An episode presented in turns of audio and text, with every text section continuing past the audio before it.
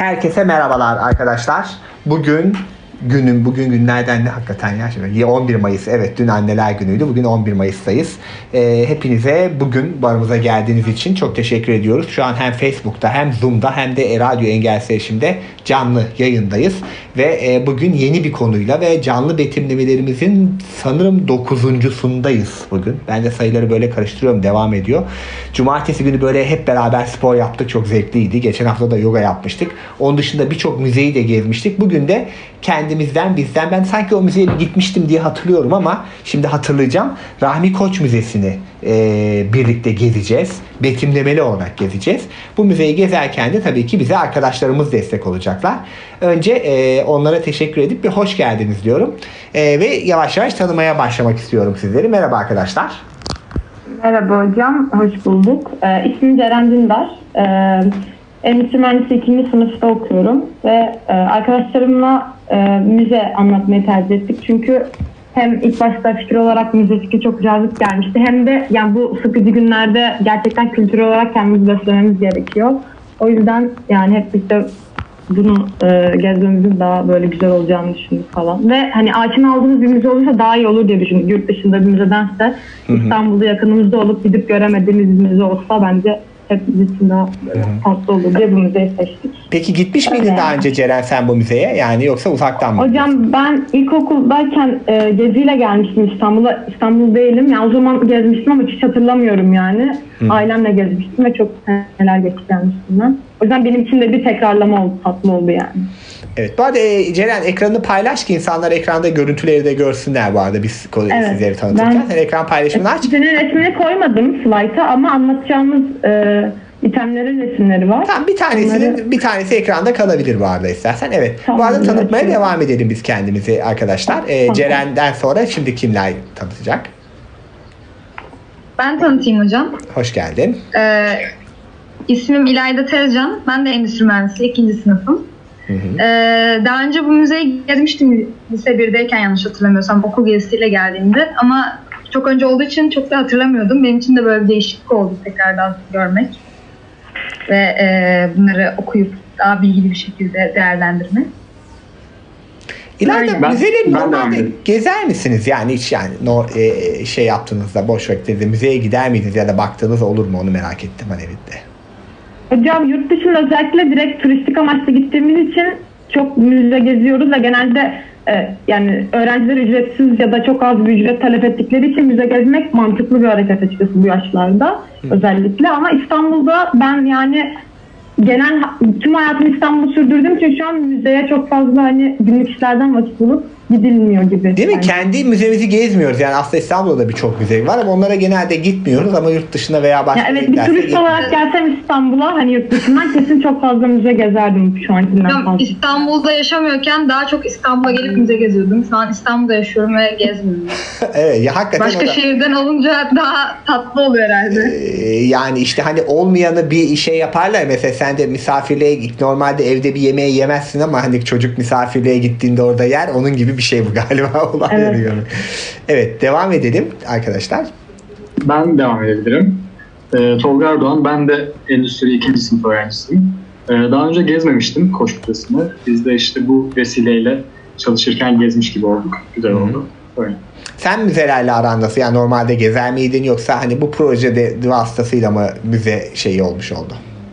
Valla ben de aynı şekilde işte bir şehir gezisine ailemizle falan önceden giderken e, öyle geziyorduk ama e, ayrıca e, İstanbul'da falan hadi müzeye gidelim diye gidip de gitmiyoruz açıkçası.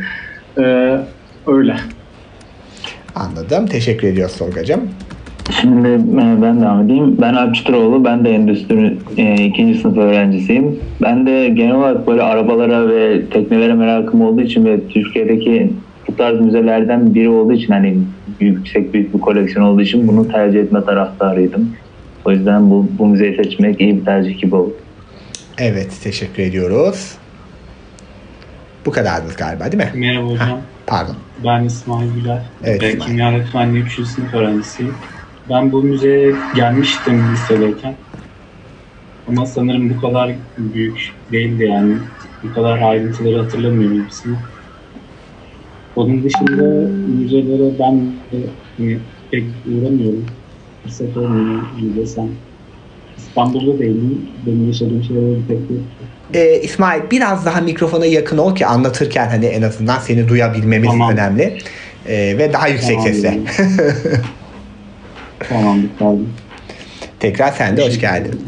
Evet, e, şimdi yavaş yavaş başlayacağız arkadaşlar. Rahmi Koç Müzesi'nden e, Ceren galiba senle başlıyoruz anladığım kadarıyla. Evet. Değil mi? Bu Ben, arada ben hemen e, bir hatırlatma. E, arkadaşlar bu arada bize soru sormak isterseniz gerek Facebook'a yorum yazabilirsiniz gerek de engelstation.com bölü mesaj panosundan sorarsanız ben de arkadaşlarımıza iletirim sorularınızı. Aralarda canlı betimlemeyi takip ediyorsanız sizler de sorularınıza katkıda bulunabilirsiniz diyeyim ve Ceren sözü sana bırakayım. Tamam hocam ben kısaca bir müze hakkında bir bilgi vereyim. Ee, müze genel olarak iletişim sanayi, ulaşım ve e, endüstrinin tarihini içeren bir müze. Yani tarihte bu alanlarda hangi e, araçlar kullanıldı vesaire bunlarla alakalı önemli bilgiler var içinde. Ve genel olarak Türkiye sanayi devriminin de dünyayı nerede yakalayıp ona nasıl tak, hmm, takviyeler sunduğunu falan da görebiliyoruz yani gezdiğimiz zaman. Ve e, bir vakıf müzesi, kar amacı gütmüyor doğal olarak. 94 yılında Hasköy semtinde açılıyor bu müze. Ve yaklaşık 27 bin metrekarelik bir alana yayılıyor. Üç farklı e, ana bölümü var bu müzenin. Birincisi Mustafa Koç binası diye geçiyor. İkinci bölüm Tarihi Hasköy Tersanesi olarak geçiyor. Üçüncü bölümü de ana bölümü de açık hava sergileme alanı olarak geçiyor. Ve genel olarak dediğim gibi iletişim, ulaşım ve endüstri alanındaki e, güzel örnekleri, dünyadaki geçmişte güzel örnekleri bize veriyor. Ve e, bunlar iki tane daha bulunuyor daha sonra açılan. Ankara'da ve Cunda'da Rahmi Koç müzelerine rastlayabiliyoruz. E, müzede genel olarak şey güzel, çocuklara interaktif eğitim verilen ve böyle rehberler eşliğinde hani müze gezmeyi sevdiren programlar var ve fiyatları oldukça uygun. E, bir de nostaljik tren ve denizaltı turları yapılıyormuş. O da ilgimi çekmişti. Güzel bir şey yani. E, onun dışında genel olarak müze böyle. Ben e, iki farklı alanı seçtim anlatmak için. Birincisi iletişim araçları ile ilgili. Ve ilk anlatacağım e, item Bayer Selection 2 sinema makinesi olarak geçiyor. E, bu sinema makinesi gen- e, sinemalarda kullanılmak için değil aslında okullarda, stüdyolarda ve tanıtım şirketlerinde daha böyle küçük amaçlar için kullanılmak için üretiliyor. Ha, bir çeşit Ve, projeksiyon cihazı gibi bir şey mi o zaman yani? O zaman. Evet o tarz bir şey. He. Aynen. Daha küçük topluluklara hitap ediyor. Daha basit bir makine. Hı hı. Ee, Bunun 25-75 mm arası değişen mercekli versiyonları bulunuyormuş ve xenon lamba içeriyormuş. Bunları tam ben de bilmiyorum yani e, bilimsel olarak ne anlama geldiğini fakat bu şekilde. Ve 2 saate kadar kesintisiz film gösterebiliyormuş bunlar. Hiç kesilmeden can, yap, yayın yapabiliyor. Ceren kaç 115 yılına ait bir alet bu? Onu biliyor muyuz? Bu arada onu merak ettim. Ee, bu kaç yılına ait hocam onu yazmamışım. Yani Ama eski bir şeyden bahsediyoruz değil mi? Evet evet bayağı eski kocaman ağır metal bir makine. 115 santim uzunluğunda 167 santim yüksekliğinde yani neredeyse benle aynı.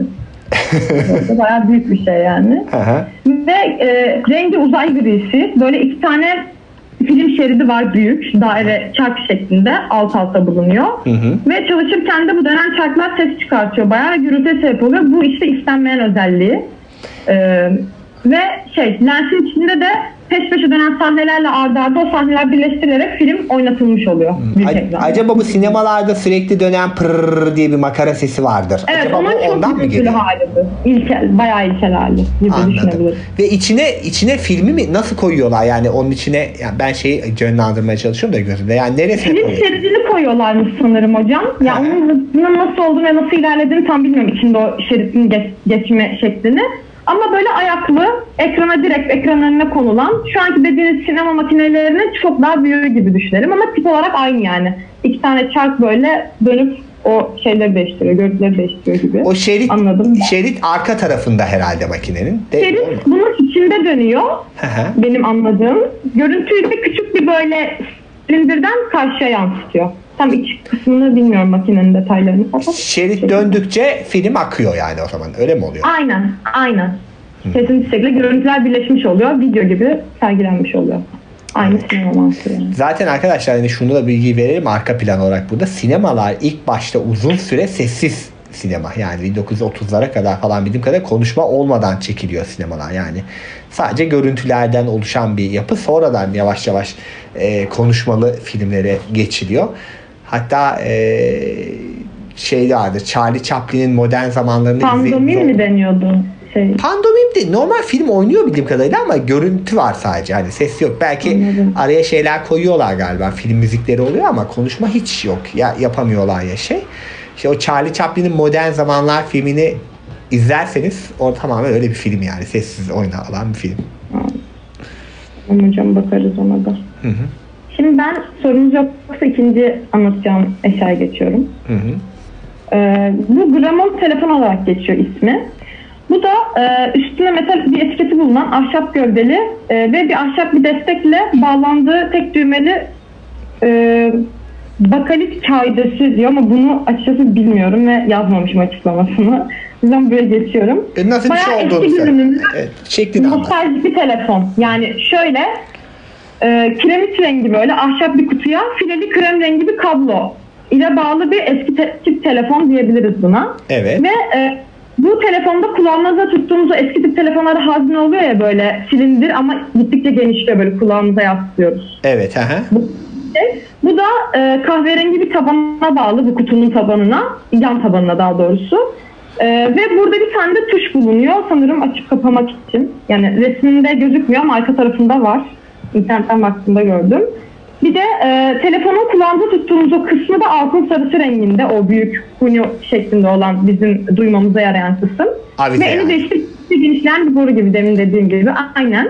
Ve e, şey ahşap kutunun üstünde de Gramontite okuyamıyorum resimden ama böyle üretim numaraları, seri numaraları falan yazıyor. Bir plakanın üstünde küçük. Onun dışında böyle betimleyebileceğim bir yeri yani küçük bir şey zaten. Dikdörtgen bir şey mi bu ahşap kutu?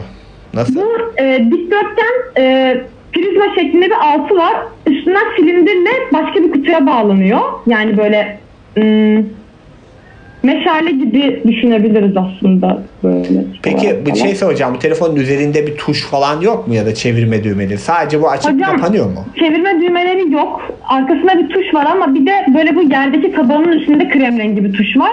Ama bu açma kapamaya yarıyor diye düşündüm. Bir tahminde bulundum ben. Bir de bu alttaki tabanın kenarlarında 8 tane böyle çiviye benzer bu telefonun e, kablosu gibi o ipin bağlandığı çiviler var. Onlar muhtemelen bu elektrik şeyinin geçmesi için, e, akımın falan geçmesi için bir kablo. İçine metal olan. ya da O zaman bunda sadece açıp kapıyorsun yani. Öyle tek bir yerle konuşuyor. Açıyorsun, Evet, konuşuyorsun, kapatıyorsun. döndüren, döndürülen şey yok. Bu bence o döndürülen telefonlardan da bayağı eski bir E, teknik olmaz. olarak da çok zaten Herhalde. Graham Bell'in bulduğu zamana yakın bir telefon yani bu muhtemelen. Evet evet bence yani onun birazcık ilerisidir. Geliştirilmiş versiyonu gibi bir şeydir. İsmi de benziyor zaten. Ee, evet gerçekten bu da güzel. O da Cem Yılmaz'ın klasik esprisi aklıma geldi. İlk telefonu Graham Bell açıyormuş. Alo diyormuş lan. Tüh benden önce bulmuşlar diyormuş. Aklıma Ha, geldi. evet evet hatırlıyorum.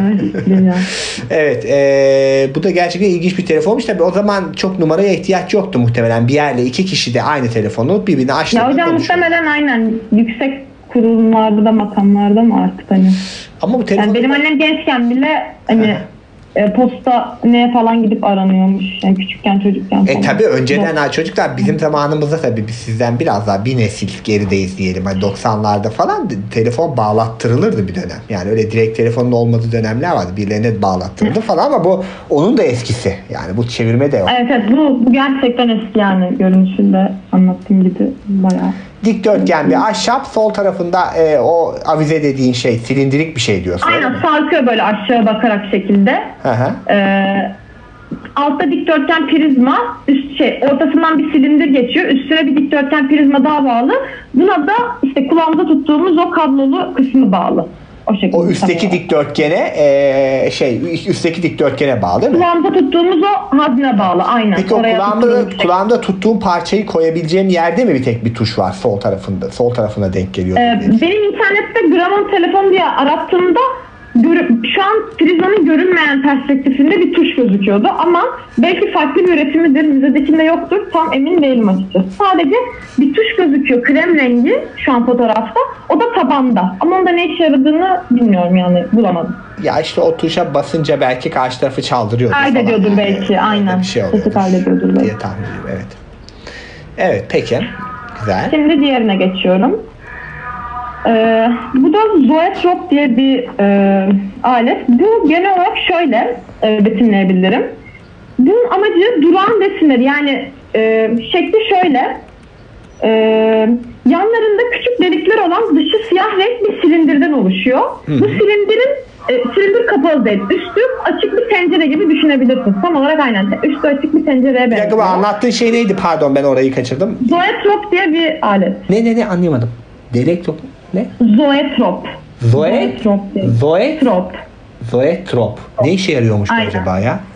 Bu şöyle, şimdi bu e, böyle kapağı olmayan bir tencere gibi düşündük bunu. Siyah böyle Evet. e, e, içinde de böyle duran resimler var. Hani böyle şey yaparız ya skeç defterlere böyle bir çocuğu hareket ediyormuş gibi aşama aşama çizer sonra böyle yanından sayfaları hızlıca geçince hareket ediyormuş gibi gözükür çocuk böyle aniden. Onun gibi bunu da döndürebiliyorsunuz. Bu silindir döndürdükçe bu arada silindirde delikler var uzun ince böyle bakabileceğiniz dışarıdan. Hı. Onu döndürdükçe içindeki böyle aşama aşama çizilmiş resimler hareket ediyormuş gibi duruyor ve biz bunu film akışı olarak görüyoruz. Aslında bayağı ilkel bir film makinesi gibi düşünebiliriz. Ha, Onun çok evet. çok değil. Bir çeşit o resimleri de koyarak böyle çizgi film falan oluşturabilirsin onda değil mi? Aynen, aynen öyle, aynen. Ve bu Yunanca'da canlı artı dönüş kelimelerinin birleşiminden zoetrop denmiş Ha. yani. ismi buradan geliyormuş aslında. Hani Evet. canlı o içindeki varlıkların çizilerek, döndürülerek hani canlı yayın gibi yani filme benzetilmesi gibi bir şey çıkarabiliriz. Anladım. Yorumlarsak ve e, dediğim gibi yanlarındaki deliklerden içini seyredebiliyoruz ve bu şekilde akışı takip edebiliyoruz. Hı hı. İç kısmı işte e, aynı mesafelerle birbirine aynı mesafelerde bulunan resimlerle kaplı. Bence içindeki resimleri işte o şeyi kağıdı koyduğumuz değiştirerek de farklı görüntüler elde edebiliriz sonuçta. Evet Ve bu ben da öyle şey-. Hı hı. Efendim siz söyleyin. Ha, devam et devam et. Hı hı. Tamam. Bu da e, genel olarak şey modern sinematro sinematografinin öncüsü sayılan bir aletmiş. Ve 1834 yılında William Horner tarafından icat edilmiş bu anlattığım. William Wa- Evet, Warner bu- Bros. oradan geliyor demek ki. Bak Warner Bros. Pictures vardır ya klasik. Demek ki o adam bunu icat edip sonra da o şirketi kuruyor yani hala olan. Ee, Belki olabilir. Bunun hakkında çok bilgim yok ama dediğiniz olabilir evet. Ee, Ve e, bu dediğim gibi aralıklarından bakıldığında da e, içerisindeki bu silindirin kenarlarında, iç kenarlarında bulunan resimler dönerek hareket ediyor izlenimini veriyor ve yüksekliği 37 santimetre ve çevresi 30 santimetre olan aslında küçük diyebileceğimiz bir şey bu. Peki bir şey söyleyeceğim. Bu mesela kişisel kullanım için mi? Yani bunu bir yere gösteremiyorsun sadece sen mi bakıyorsun? Hani çevirdikçe senin önündeki resimler mi değişiyor yani? Öyle bir şey mi? Yani bu zaten çok fazla insanın aynı anda yararlanabileceği bir alet değil. Yani kaç kişi bakabilir için aynı anda bilmiyorum. O yüzden zaten public bir kullanım için uygun değil. Yani bu kişisel bir hani hobi içindeki resimleri çizersin, dışından izlersin ya da ne bileyim. Hani biraz ben şeyi de şey. de benzettim. Son dönemlerde böyle özellikle şey yapardı böyle hacıdan haçtan gelen kişiler böyle bir şey yapar. Bir tane bir alet var. Böyle bastıkça değişiyor resimleri böyle farklı farklı şeyler oluyordu. Öyle bir şey. Onun adı ne bilmiyorum da. Ha, biraz sanki o Ha, da biliyorum onu. e, yani o sanki Bunda daha böyle aktifi gibi düşünebiliriz. Çok fazla resim var ve bu resimler hani mesela adam ilk resimde sağ şey bacağını kaldırıyor. ikinci resimde aşağı indirirken, üçüncü resimde basarken bunları hızlı döndürdüğümüzde ayaklarını bastığını, yürüdüğünü görebiliyoruz mesela bu mantıkla biraz. Belki mantıklı. Dediğin gibi muhtemelen şey çizgi filmleri bu mantıkla düşünerek yaptılar diye düşündüm ben şimdi sen anlatınca böyle yapa yapa o çizgi filmler Evet demin anlattığım film makinesi de mesela bunun artık bayağı buna göre gelişmiş ve ama aynı prensiple çalışıyor. İçinde akış şeklinde dönen aslında resimler. Yani videoyu bile biz telefondan şu an çektiğimizde resimlerin saliselik artık tanımlayamadığım süre değişimiyle yani bir araya getirilmesiyle aslında çekiyoruz. Hepsinin mantığı bu, bu oluyor. Doğru. Biraz önce anlattığın o ilk film makinesinde de şerit biraz daha otomatik dönüyordu galiba. Kendi Evet yani artık dönüyordu. makineleşmiş. Biraz Bunda elle döndürüyorsun. Onun ilk hali yani. Evet elle bu bayağı evet. Bu fikir hali gibi diye evet, dediğiniz. Hakikaten çok Evet. güzel ya. Hak, eğlenceli. Bence de bunları belki hani orada bilmiyorum tam gezmediğim için, şu an Ee, Dokunmak hatırlamadığım isterdim için. gerçekten. Şimdi bütün bunları düşününce acaba dokunabiliyor muyuz? Ben onu merak ettim Evet, ama çok çok ben ilginç olmalı yani. hakikaten. bilmiyorum. Ama hani bu şekilde görmek bir de geçmişe bir yolculuk yapıyorsun. Özellikle sinemanın tarihine yolculuk yaptık yani. Hoş oldu. Evet bir de eğlenceli bir konu olduğu için Evet gerçekten yani öyleymiş. bence. Hı hı. dördüncü, aynen dördüncü kısımdayım şu anda. Ee, Edison telgrafını anlatacağım. Bu da şekil olarak e, direkt bunu müzenin sayfasından aldım. Kahverengi renk ahşap bir kesitin böyle dikdörtgen bir kesitin üstünde tellerin e, sarılı olduğu Ve bu teller iki tane büyük iki tane küçük silindir var. Böyle şey gibi e, annelerimizin dikiş iplerinin sarılı olduğu küçük makaralar gibi iki tane makara var yan yana. Teller oradan çıkıyor. Diğer büyük makaraya gidiyor falan. Bir düzenek var. Hı hı. Tam böyle birazcık böyle karmaşık bir şey gibi duruyor ama bilmiyorum. Ee, bu şekilde ve şey iletim sağlamak için bir de hangisine ne iletim oluyor tam bilmiyorum. Böyle bir sürü silindir olduğu için tam orasını açıklayamıyorum. Bir tane de böyle altın sarısı bir böyle plaka var gene küçük. Onun üstüne ne yazdığını okuyamıyorum ama gene muhtemelen markasıyla ilgili ya da böyle Edison yazıyor. Edison bile yazıyor olabilir okuyamıyorum şu anda. Neyse adamın ismi yazıyordur. Bu tarz böyle basit bir görüntüsü var. Bir bunun adı Ee, neydi demiştin? Ee, bu Edison'un telgrafı ilk. Ha ilk bana söyledin. Geliştirdiği evet, telgraf. Instagram'da Aynen. kullandığımız ilk şey evet. Hı hı. Aynen. Bu da şey Edison telgrafı olarak geçiyor. Şimdi Amerika e, Patent Ofisi tarafından 22 Şubat 1876'da patentlenmiş ve orijinal bir model. Orijinal modeli yani Rahmi Koç Müzesi'nde sergileniyormuş gerçekten. E, bu model Morse alfabesi yerine yani artık daha geliştirilmiş bir telgraf yerine kesintisiz olarak gerçek harfleri basacak şekilde geliştiriliyor. Yani artık Morse alfabesi gibi karmaşık bir dili anlamaya çalışmak yerine direkt kullandığımız alfabenin harflerini basarak daha hani kolay bir iletişim yöntemi sağlıyor bize. Otomatik bir telgraf diyebiliriz yani. Ha. 30 santim uzunluğunda bu kesitin uzun şey boyu. E, genişliği 10 santim yani 30'u 11 plakanın üstünde 8 santim yüksekliğinde de bir düzenek var. Kahverengi renk bu şekilde. Bu arada Merve yazmış dokunamıyoruz maalesef biz çok uğraştık ama dokunmamıza izin vermemediler demiş. Bu da bir tartışma. Onu da söylemiş oldu. Evet. Hı hı. Şimdi diğerine geçiyorum. Hı hı. Bu da diktafon diye bir alet. Diktafon. Ve bu, e, evet.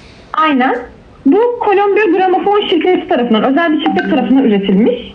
Ve e, daktilograflar tarafından dikte edilen, söylenen sözlü metinleri bir iğne kullanarak ve bir mal, bal mumu, yardım, bal mumu silindir yardımıyla yazılı belgelere çeviriyor.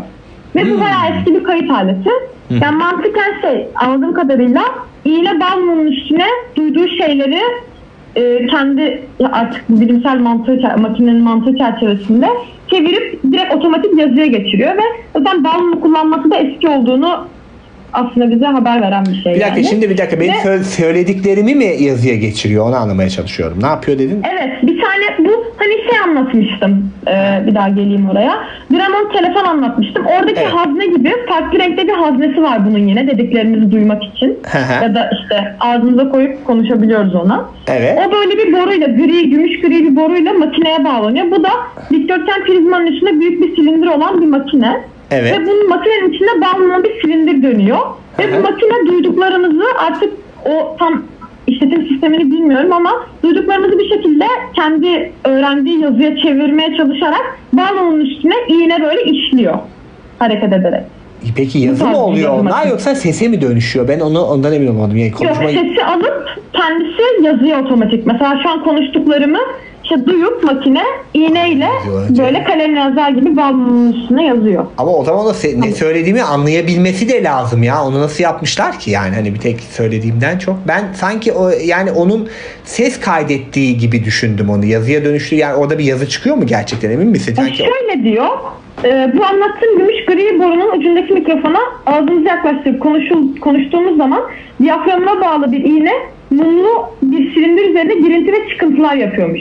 Ha. Şimdi girinti çıkıntıları da ses titreşimlerine göre derinliklerini ayarlıyor. Yani Evet. Ama bu şey- e, şey, ses yazıya- bence frekans mantığıyla Hayır, yazıya çalışıyor. dönüştürmüyor ama. Yine sese dönüştürüyor. Sonra tekrar çalabilmen için. Pla- pick-up. Ha, yani evet. orada çünkü, Haklısınız. e, çünkü bu ben bu alet şeydi ama Edison ilk bunu geliştirdi. Yani bunun atasını Edison Aa, geliştiriyor arkadaşlar. Ve e, Edison biz bunu çok anlatırız. Doğru. 1870'lerde geliştiriyor. Hatta ne işe yarar diye sorarlar Edison'a. Yani ne diye bunu böyle bir şey buldun? Ne, ne yapacak? Kimin ne işine yarar falan diyor. O da şey birkaç işte diyor ölüler diyor son sözlerini buna söyler işte ölmeden önce. Görmeyenlere kitap okunabilir diyor. Bakın böyle "Aa, müzik falan çıkarıldır demiyor da görmeyenlere bununla kitap okunur diyor. Hakikaten de 1930'larda ilk tabii o gramofona dönüşüyor sonra. Diktafon ondan da eski. Yani gramofondan da eski diktafon meselesi. Sonra o gramofona dönüşüyor falan. Bugünkü kasetlerin ve ses kayıt sisteminin atası bu. Yani ilk oradan geliyor. Anladım. Aa, çok mantıklı dediniz evet. Ben burada şey demiş. E, bu e, nerede kalmıştım? Heh, konuştuğumuz zaman bu sesi algılayan o diyaframa bağlı olan iğne içindeki mumlu silindir üzerinde işte bu e, deprem ölçen kayıt sizin örnek istediğiniz şey değil mi? Deprem ölçen o şeyler gibi e, simograf mı deniyordu? Böyle çizgiler Sismograf, evet. yaratarak hani Hı hı. Anladım tamam şu an anladım. Ee, bu girinti çıkıntılarda titreşimlerine göre derinliklerini ayarlıyormuş ve e, iğne aynı zamanda şöyle bu girinti çıkıntılara e, uyduktan sonra sesi tekrar diyaframa geçirebiliyor. Yani biz konuştuğumuz sesi tekrar ondan duyabiliyormuş. İşte a, esas olayı o zaten. Tespit edildikten sesi sonra tekrar. aynen tekrar edebiliyormuş. Evet yani. o yani şey işte senin o girinti çıkıntılara göre o titreşim oluşturdu ya bal mumuyla o iğne onu deliyor. Hı. Çiziyor mu deliyor mu ne yapıyor? Benim anladığım çiziyor. Yani bal mumunu işliyor bildiğin. Bal mumunu, ha, bal mumunu işliyor. O neyin üzerine işliyor peki? İşlediği şey yumuşak bir şey mi o zaman yani? Neyin böyle bir yuvar Yani dönen bir silindir şeklinde düşündüm. CD gibi Öyle değil mi? evet. Yani Silindir buradaki- şeklinde bir bal mı? Yani yumuşak bir aslında şey gibi e, baz gibi yani o iğnenin rahatça hani kayıp Yumuşak bir şey ya. Ha, bu bal Evet işte o üzerine. silindir kısmında koyu renk silindir kısmında yatay şekilde dönen bir şey var içinde. Hmm, Benim anladığım öyleydi okuduğumdan yani. anladım. Bal mumunu oraya da işliyor. Bir de şey-. Aynen. Bir de bu doğal olarak tekrar yansıtabildiği için sesi neye yarıyor? Sesin istenildiğinde alınıp istenildiğinde hani bunu yavaşlatarak tekrar mesela ben şu an konuşuyorum daha yavaş halini duymak istiyorum. Buna konuşarak yavaş halini kendim e, ondan hani veri olarak alabiliyorum. Evet. E, ve bu genelde iş yerlerinde, okullarda ve evlerde bayağı e, üretildiği zaman sık yaygın kullanılan bir alet olarak geçmiş yani döneminde. Tabii işte zamanla bunlar şey, çıktıktan sonra. uzunluğu- Hı hı. Bu dikdörtgen prizma bu ayakkabı kutusu gibi olan bu e, şeyin uzunluğu 37 santimetre. Eni, eninin uzunluğu 17 santimetre ve yüksekliği de 100 santimetre. Birazcık daha yüksek bir araç diğerlerine göre. Bu arada Çünkü bak e, bir, bir bu yorum gel- bir yorum gelmiş Okan'dan. Hocam gezmeyi hayal ettiğim bir müzeyi online olarak üstelik betimlemede geziyorum. Çok teşekkür ederim demiş. Buradan da Ay ileteyim size. rica ederiz. Çok sevindim gerçekten. Umarım güzel anlatabilirim. Gayet zevkli oluyor. Ben de eğlendim yani bu müze gerçekten ilginç şeyler çok Ay çok ilginç. sevindim. Teşekkür ederiz hocam. Şimdi soru yoksa ben diğerine geçiyorum o Hı zaman. hı. Ee, bu da iletişim araçları bölümünde yayınlanan diğer bir eser. Bu biraz daha farklı. Einstein'ın ünlü bir mektubunu e, çerçeveletip duvarda e, asılı şekilde insanların okumasına izin veriyorlar. Bunu sergilemişler ve önemli bir özellik Einstein'ın bu e, kendi el yazısıyla yazıp imzaladığı bir mektup ve doğum gününü kutlayan Erman diye bir arkadaşına, bu da ünlü bir bilim adamı sanırım, teşekkür ediyor. Teşekkür ettiğine dair bir işte içeriği olan bir e, mektup. ve duvarda çerçeve şekilde asılı duruyor ve orijinali olduğu için mektup değerli, kıymetli bir Oo, parça. hakikaten onu iyi bulmuşlar yani orijinali. O zaman Almanca yazıyor Evet, muhtemelen. evet. Ya da İngilizce. Genelde biz çaldırdığımız zaman şaşırdım yani böyle yurt dışından gelen kıymetli eserlerin de bizde bulunması güzel bir şey gerçekten. Almanca mı Ee, yazı, e, İngilizce mi? Onu anlayabiliyor Yazı musun? Bence Almanca. V ile gördüğüme göre Almanca. evet. Evet, çünkü normalde Evet, evet. Almanca. Ee, ve bu şey 22 Mart 1943 tarihinde Einstein'ın gençlik yıllarından arkadaşı olup vefatına kadar doktor olan aynı zamanda kendisini çişini bırakması konusunda da ikna eden e, Doktor Rudolf Erman'a hitaben doğum günü teşekkürüyle ilgili bir mektupmuş. Bunu da 1943 ise Einstein o zaman o kadar da genç değil ya ya ya sonlarına doğru artık 2. Dünya Savaşı. Ama arkadaşı Evet. onu kutlamış evet. Aynen öyle. Bunda çok betimlenecek böyle detay böyle garip bir şekli yok yani. Mektubun işte E bir de mektubun, evet, tabloya asılmış duvarda sergilenen büyük böyle Ama gerçek sergilenen bir kağıt yani çerçevenin içinde o kağıt var değil mi o zaman? Bir sadece Evet evet dokunamıyoruz ama yani orijinal o kağıdı tablonun için şey çerçeve içine konulmuş o şekilde sergileniyor. Oradan belli olmuyordur ama şeyi merak ettim Ceren. Acaba o kağıt nasıl bir kağıt yani? Şey saman kağıt mı? Böyle eski mi? Ya böyle bembeyaz durmuyor açıkçası ama eskiliğinden kaynaklanıyor da olabilir ama saman kağıt gibi de hiç durmuyor. Yani bir sarı bir rengi bile yok. Hmm. Yazı falan da böyle parlak duruyor. Bence beyaz bir kağıdın böyle eskimiş hali. Peki ince Anladım. kalınlık anlamında nasıl olabilir? Yani Ya bayağı ince bir kağıt ya ince bu. değil mi? Anladım. Bayağı normal bir kağıt aynı. Anladım. Hı. Bu şekilde. Diğerine geçiyorum Tamam. şimdi. Bu da Edison standart fonograf olarak geçiyor. Ha bu da bir Ne başka bu? şey. Evet. Hı hı. Aynen.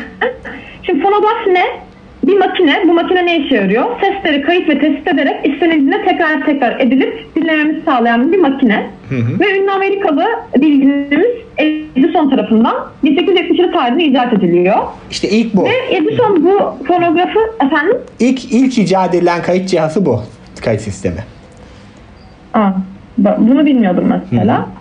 Bu zaten Edison bayağı böyle uğraşlar sonucu elde ediyor bunu ve ilk deneylerinde daha sesleri tespit için madeni bir silindire sarılı ince kalay bir levha kullanıyor. Daha bu hale oluşturulmadan önce.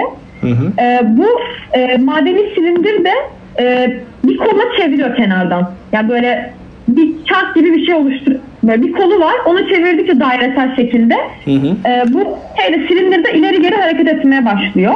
Evet. Ve silindire karşı konulan bir borumsu altın sarısı renginde eni genişleyen bir boru gene bu sesin çıktığı yer. Hani bu Evet. kulağında tuttuğumuz hazneye benziyor. Hı hı. Ee, bu ağızlık, bu ağızlıktan da kelimeler kuvvetlice söylenince meydana gelen ses titreşimleri ağızlığın önündeki ince ve hassas tabloya çarpıyor. Sesin bir şeye yansımasından yararlanıyoruz yani biz. Bu tabloya yansımasından yararlanıyoruz. Ve gene aynı mantık, iğne mantığı. Bu tabloya iliştirilmiş olan çelik iğne de bu gelen sesin titreşimini algılayarak deminki frekans mantığıyla kımıldanıyor ve bu hareketiyle kalay levhada çizgiler meydana getiriyor. Aslında mumun yerini ince bir levha almış diyebiliriz. Ha, o zaman bir dakika bence. diktafon bundan biraz daha eski o zaman bal mumu meselesi Evet. değil mi? Bu daha evet, eski ben- o zaman. Bence öyle. Tip olarak falan da şimdi betimleyeceğim. Bence bu daha modern bir görünüş var yani. O zaman diktafonda o anlık yapıyor ama o bal mumu şey olunca gider tabii. O bal mumu o anlık Aynen yani. burada Eriyince aynen, burada işi bitiyor. Aynen. Tespit ettiğimiz sesi istediğimiz gibi kayıt ettikten sonra kullanıp dinleyebiliyoruz istediğimiz Hmm. silindirle. Öyle söyleyebilirim. Anladım. Ve e, bu silindirin yeniden hareket etmesiyle de tespit edilmiş sözler yeniden duyuluyordu. Aslında tekrar etme prensibi de buna dayanıyor diyebiliriz. Ee, Evet. Ve şey resimde de şöyle betim, betimleyebilirim bu e, eşyayı. E, ahşap kahve bir kutunun üstünde bir düzenek yer alıyor. E, bu düzenek de böyle dikdörtgen prizma şeklinde bir ayakkabı kutusu büyüklüğünde bir e, ahşap kutunun üstünde. Bu düzeneğe bağlı boru, şey, borumsu böyle genişleyen bir boru şeklinde He. altın rengi bir ağızlıktan ses veriliyor ve bu titreşimlerle tablodaki sistem iş görüyor. Bu siyah renk olan sistem, bu borunun bağlı olduğu ve tab- şey dikdörtgen prizmanın üstünde olan sistem. Bu sistemin içinde ne var? Demin anlattığım iğne ve silindir var. Bu iğne işte e, bu ses gelen e, kısımdan, borudan sesi alıp tabloya işleyen iğne var diyebiliriz. Böylelikle kaydediyor bu- sesi. Aynen kaydediyoruz. Bu si- silindirimsi dediğin şey şey gibi değil mi? CD gibi bir şey yani aslında içindeki parça dönen Yok şey. bu şey bildiğiniz silin Silindir, böyle ha, anladım. CD daire ama bu silindir böyle dönen bir bu nasıl anlatabilirim? Direkt düz silindir ya yatay bir silindir. Anladım. Onun üzerinde çizimler yapılıyor. İçinde. İçinde. Bence. Evet, içine Aynen. çıkıyor. Evet, hı hı. Sesi duyan şey onun ucuna bağlı, onun içinde ya da yanında tam bilmiyorum. Bu şekilde bu arada verilen bir bilgiyi düzeltmek istiyorum. En sona koymuşum. İlk zamanlarda bir fonograf çok basit şekilde üretilmiş ama sonradan geliştirilerek gramofona ve diktafona yerini bırakıyor. Yani demin anlattığım diktafon, o mum mantığı aslında fonograftan sonra geliyor. Öyle değil Ee, mi? diktafondan sonra gramofon geliyor. Ha, Aynen. yani bu geldi. sıralamada şimdi o zaman önce fonograf var. Ne bileyim hani bal Aynen. mumu deyince diğeri daha sanki şeymiş gibi gelmişti bana. Evet hani. bana da öyle geldi ve bunu tekrar tekrar hani anlatılabiliyor aslında neden öyle bilmiyorum. Belki diğerinde hani şey diyordu eee, bilgi olarak bir saniye. Diğerinde şey diyordu istenildiğinde yavaşlatılmış ve büyütülmüş halde de ses verilebiliyor diyordu. Belki hani istenildiğiyle verildiğinin özelliğine ek olarak böyle bir özellik de sunulmuş Ha. olduğu için diktafon Tabii bu hani sadece bir olduğu gibi öbüründe biraz değiştirerek daha ses şeyini ısıtıyor. Evet. Yani önce Aynen fonograf sonra geliştirilmiş versiyon gibi. o zaman önce fonograf sonra diktafon sonra gramofon geliyor bu süreçte. Aynen. Yani şöyle aynen öyle. Evet dediğiniz sırayla. Evet süper. Şimdi diğerine geçiyorum. Ha, şu an iletişim aletleri bitti. Müzede anlatacağım başlayacağım. Şimdi zaman ölçüm aletlerine geçiyorum. Teması anlatacaklarımın zaman ölçümüyle ilgili. Hı hı. Ee, birinci aletimiz Rostel deniz kronometresi olarak geçiyor. Bunu ilk deniz kronometresi olarak arattığımda hiçbir şey bulamadım internette yani kullanılmıyor mu çok meski anlamadım. Hı hı. Ee, sonradan Roskel olarak arattığımda birine özgüymüş. O şekilde buldum. Şimdi genel deniz kronometresi nedir? Bu taşınabilir bir zaman standartı olarak kullanılabiliyor ve kesin ve doğru bir saat. Yani denizde yol alan e, araçlardaki insanlar için eski zamanlarda bayağı kullanışlı bir şey. Ve e, kesin ve doğru bir saat olduğundan ötürü bilinen bir sabit birinin zamanını baz alarak yani mesela Greenwich'i baz alıyoruz. Hı hı. E, şu anda GMT kullanıyoruz ya onun gibi. Evet. E, ve geçerli konumda yani mesela bir denizaltı hareket ediyor. Onun geçtiği konumdan o saati baz alarak oranın kesin saatini %100 doğru bir şekilde elde edebiliyoruz. Mantığı bu aslında. Vay. Ee, ve boylarını belirlemek için de kullanılabiliyor. Kullandığımız bazın e, meridyeninden hesaplama yapıyoruz. Onun, ona göre olduğumuz meridyeni belirliyoruz. Nasıl yapıyor bunu acaba? Roscal aile şirketi bunu 1790'da Liverpool'da bu şirketi kurmuş ve işte 1890 milyon Londra'ya taşınıp bu şirketi büyütüyor ve bu şekilde işte eşyalar üretip satarak büyütüyor. Hı hı. Ee, ve bu da 1850'li yıllarda Liverpool'da üretilmiş. Ve şey Osmanlı donanmasında da İzmir gemisinde kullanılan bir deniz kronometresiymiş bu. Ve küçük bir şey 14 santim uzunluğunda ve 14 santim genişliğinde bir şey. Silindir kahverengi renkte. Dışından sadece bir silindir. Yani başka bunun böyle çok basit bir şey gibi görünüyor ama üstünde böyle boylamların çizimi var. Oradan herhalde bir şeyleri hesaplayarak meridyeni buluyor. Ama senin Oradan bulunduğun, senin bulunduğun konumu nasıl algılıyor GPS falan olmadan? Ben onu anlamadım yani. Ona göre algılıyormuş da boylamış. Ya üstünde dünyanın böyle e, şekli, şeklini baz alarak çizilmiş böyle yan yan meridyen şekilleri var. Hı hı. Böyle çizilmiş. E, bence yani nasıl tam bilmiyorum açıkçası ama meridyenlerin arasındaki dakika farkın 4 olduğunu hesaplayıp olunan meridyeni algılayabiliyorsa oradan basit bir zaman hesabı yapabiliyordur diye tahmin ediyorum. Ama yani çok da hani Evet. bilimsel bir bilgi değil şu an verdiğim. Evet. İlginç O gerçekten. şekilde. Peki. İlginç bu evet. Şimdi diğerine geçiyorum. Bu da metal bir güneş saat. Bu çok basit bildiğimiz bir güneş saati. Ee, bahçe tipi metal güneş saati olarak geçiyor ve e, dönemin ileri gelen e, bilimsel alet üreticilerinden William Carey tarafından 19. yüzyılların sonlarında Londra'da üretiliyor bu saat. Koyu kahverengi daire plaka şeklinde düz daire plakanın üstünde bu güneş saatinin e, işte akre, ne denir ona tam Akrep- bilmiyorum. Böyle akrep yukarı doğru bir o yok. Yukarı doğru bir hani yerde de güneş saatleri görürüz. Böyle bir çubuğu olur. O böyle güneşin konumuna göre farklı yönlere yansır dairesine Ha. ve biz saati bu şekilde anlarız. Hiç bilmiyorum. Yerlerde bir şey falan çok oluyor. Güneşe göre mi hareket ediyor? Bir çubuk var. Bu çubuk güneşe Yok göre. hareket etmiyor. Güneş şey çubuk sabit.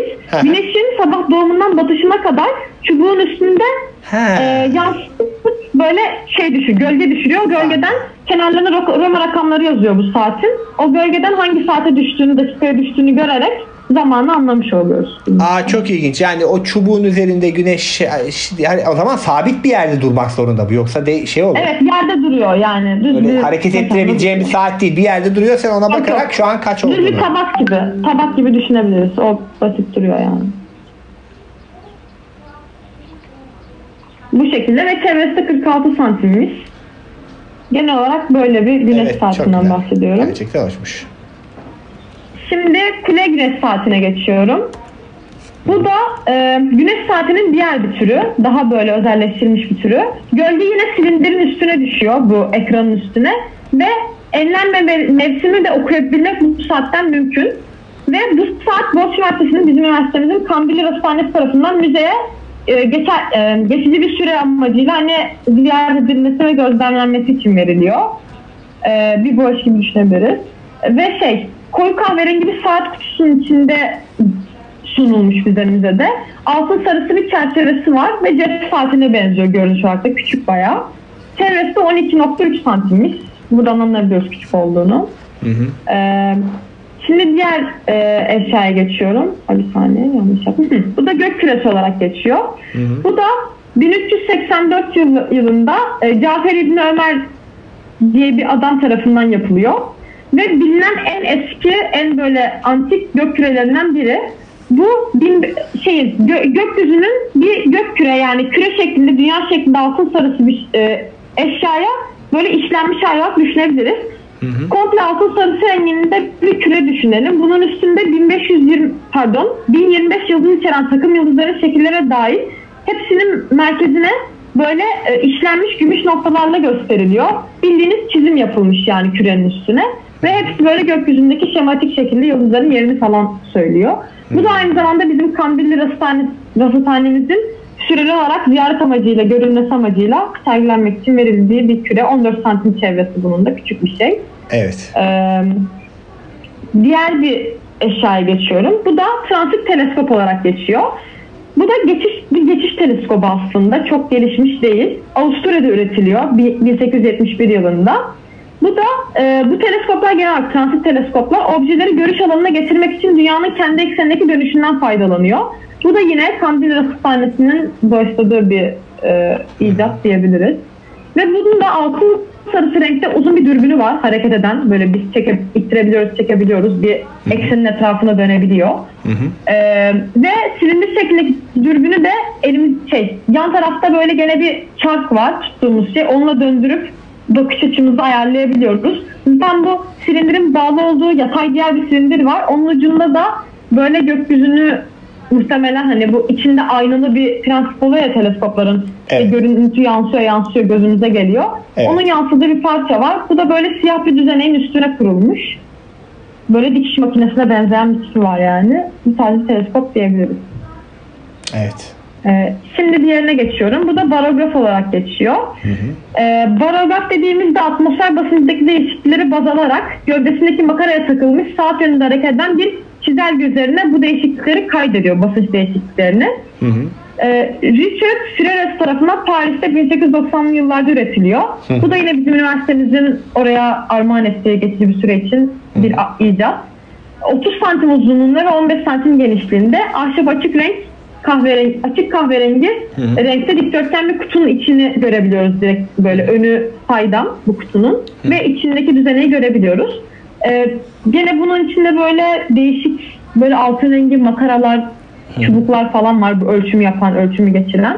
Ve bu böyle altın sarısı renginde bu düzenekte. Genel olarak bu şekilde. Ee, son olarak e, rubu tahtası diye bir şey anlatacağım. Ne? Bu da rubu tahtası diye geçiyor. R-U-B-U. Rubu. Rubu taht- tahtası. Aynen. Hı hı. Bu böyle şey gibi bir şey. Daireyi çeyrek daire olarak düşünün. Çeyrek daireyi bir tabaka olarak açık kahverengi bir tabaka. Üstünde böyle çizimler var. Bu çizimler de şey içeriyor. Bir gök cisminin yüksekliğini yani ufuk çizgisiyle Hı hı. e, gök cisminin açısal mesafesini ölçmek için kullanılıyor. Bu rubu tahtası 1866'da yapılmış ve Osmanlı Türk usulü bir rubu tahtası. Hı hı. Ve ahşaptan yapılmış bu tahta. Üstüne zengin floral ben, şey ım, şeyler bulunuyor, çizimler bulunuyor. Hı hı. Ve e, İbrahim ismiyle imzalanmış bir tabela.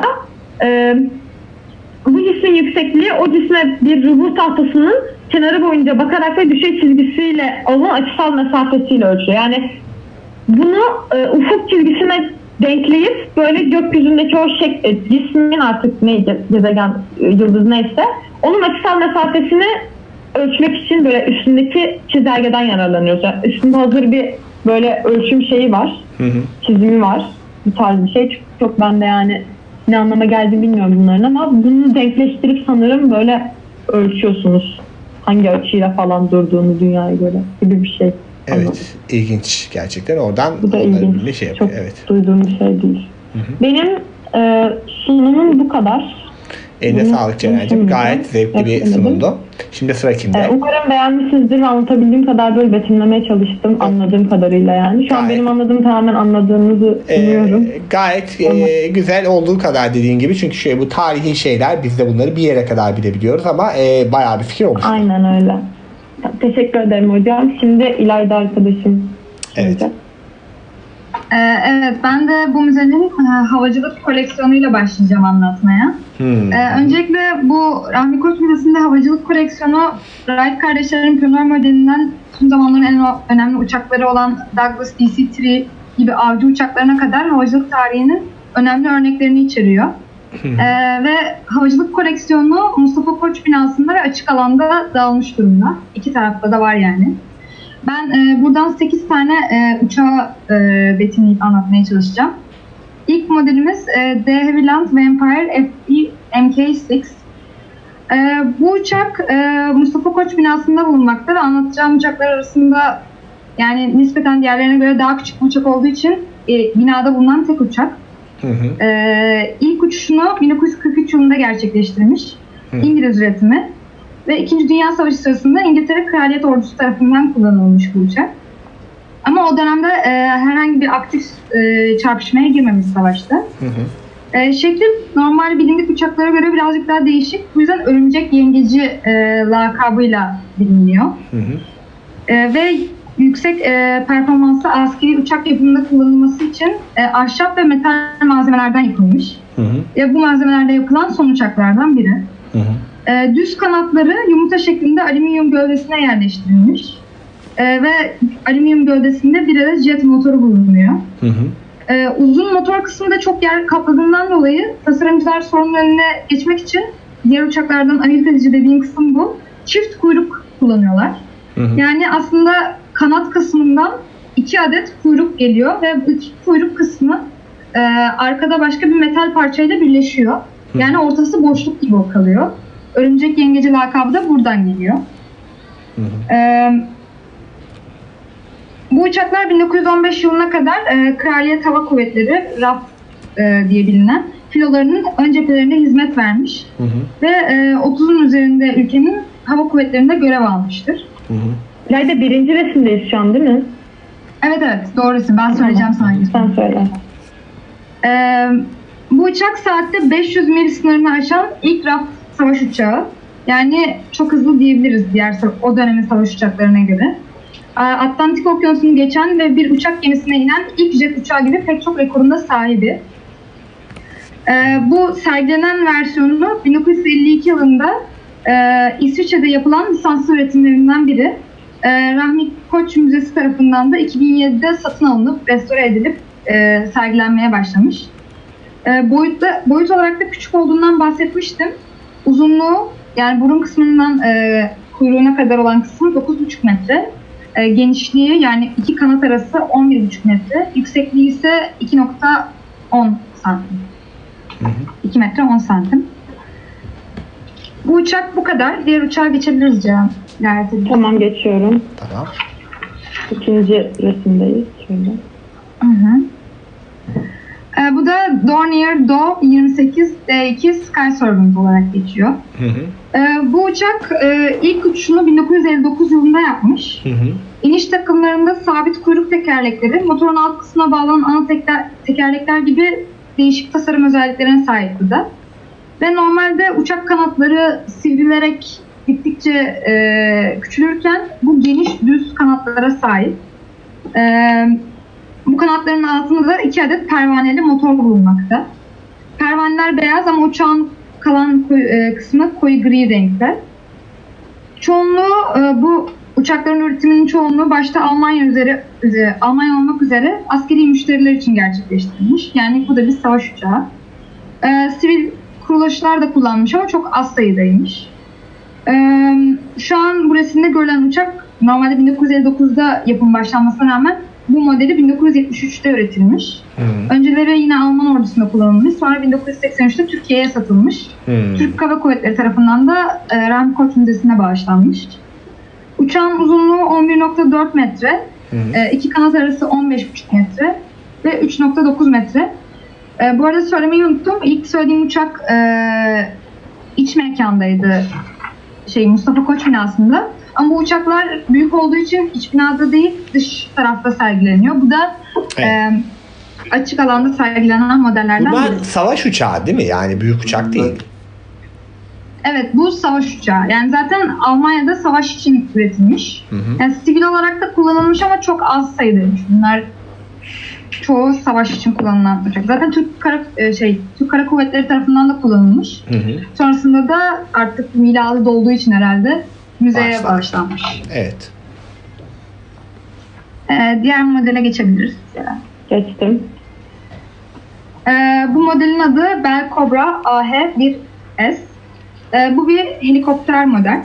Hı hı. Ee, lakabı da Huey Cobra olarak geçiyormuş. Ee, jet itici gücüne sahip saldırı heliko- helikopteri olarak geçiyor. Hı hı. Ee, Bell helikopter firması tarafından tasarlanmış.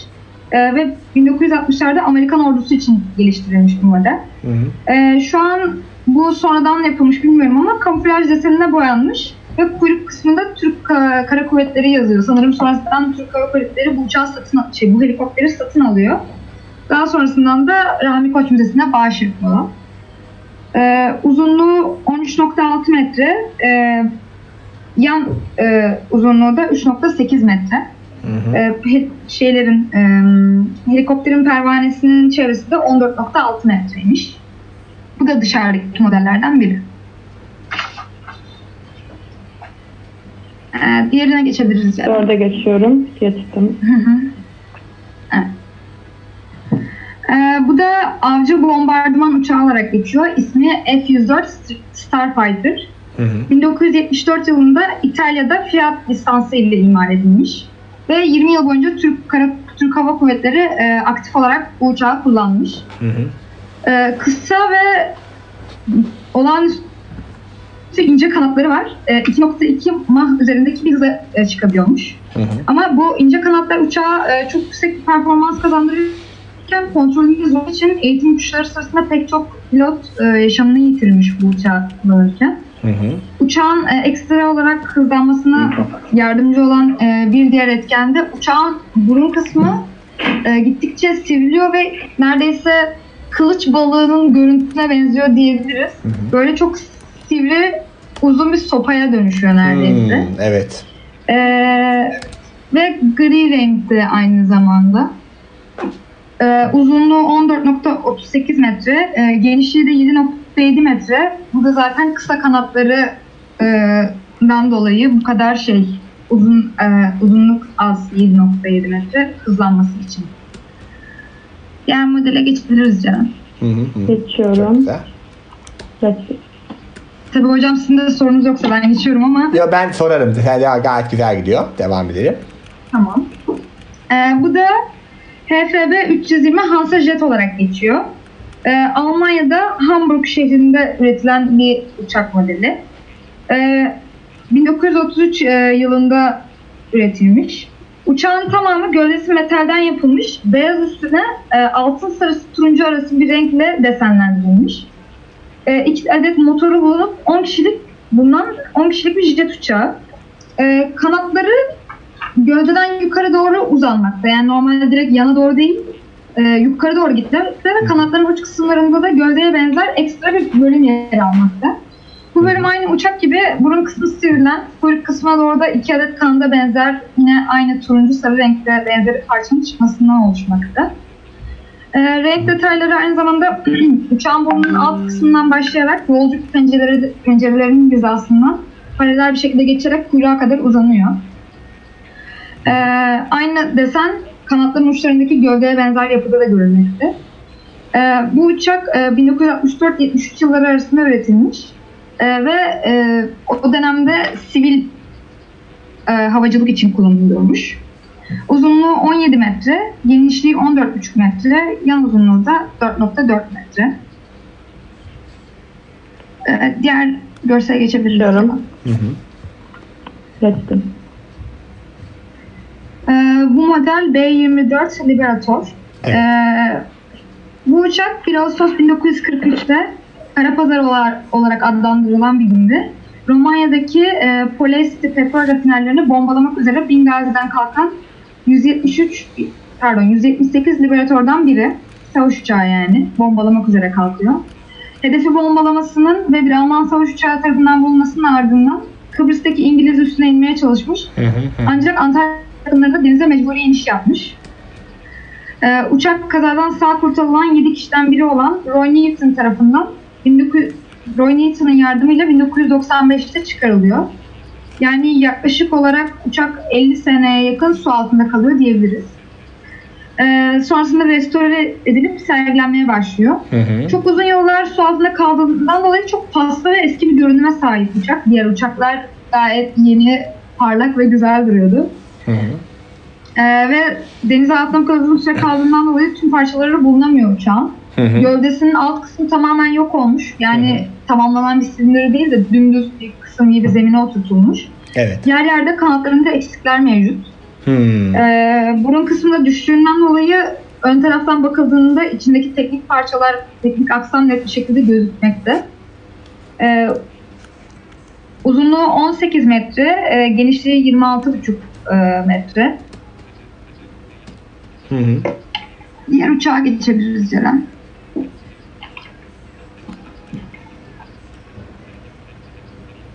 Ee, bu uçakta Jet Provost olarak geçiyor ismi.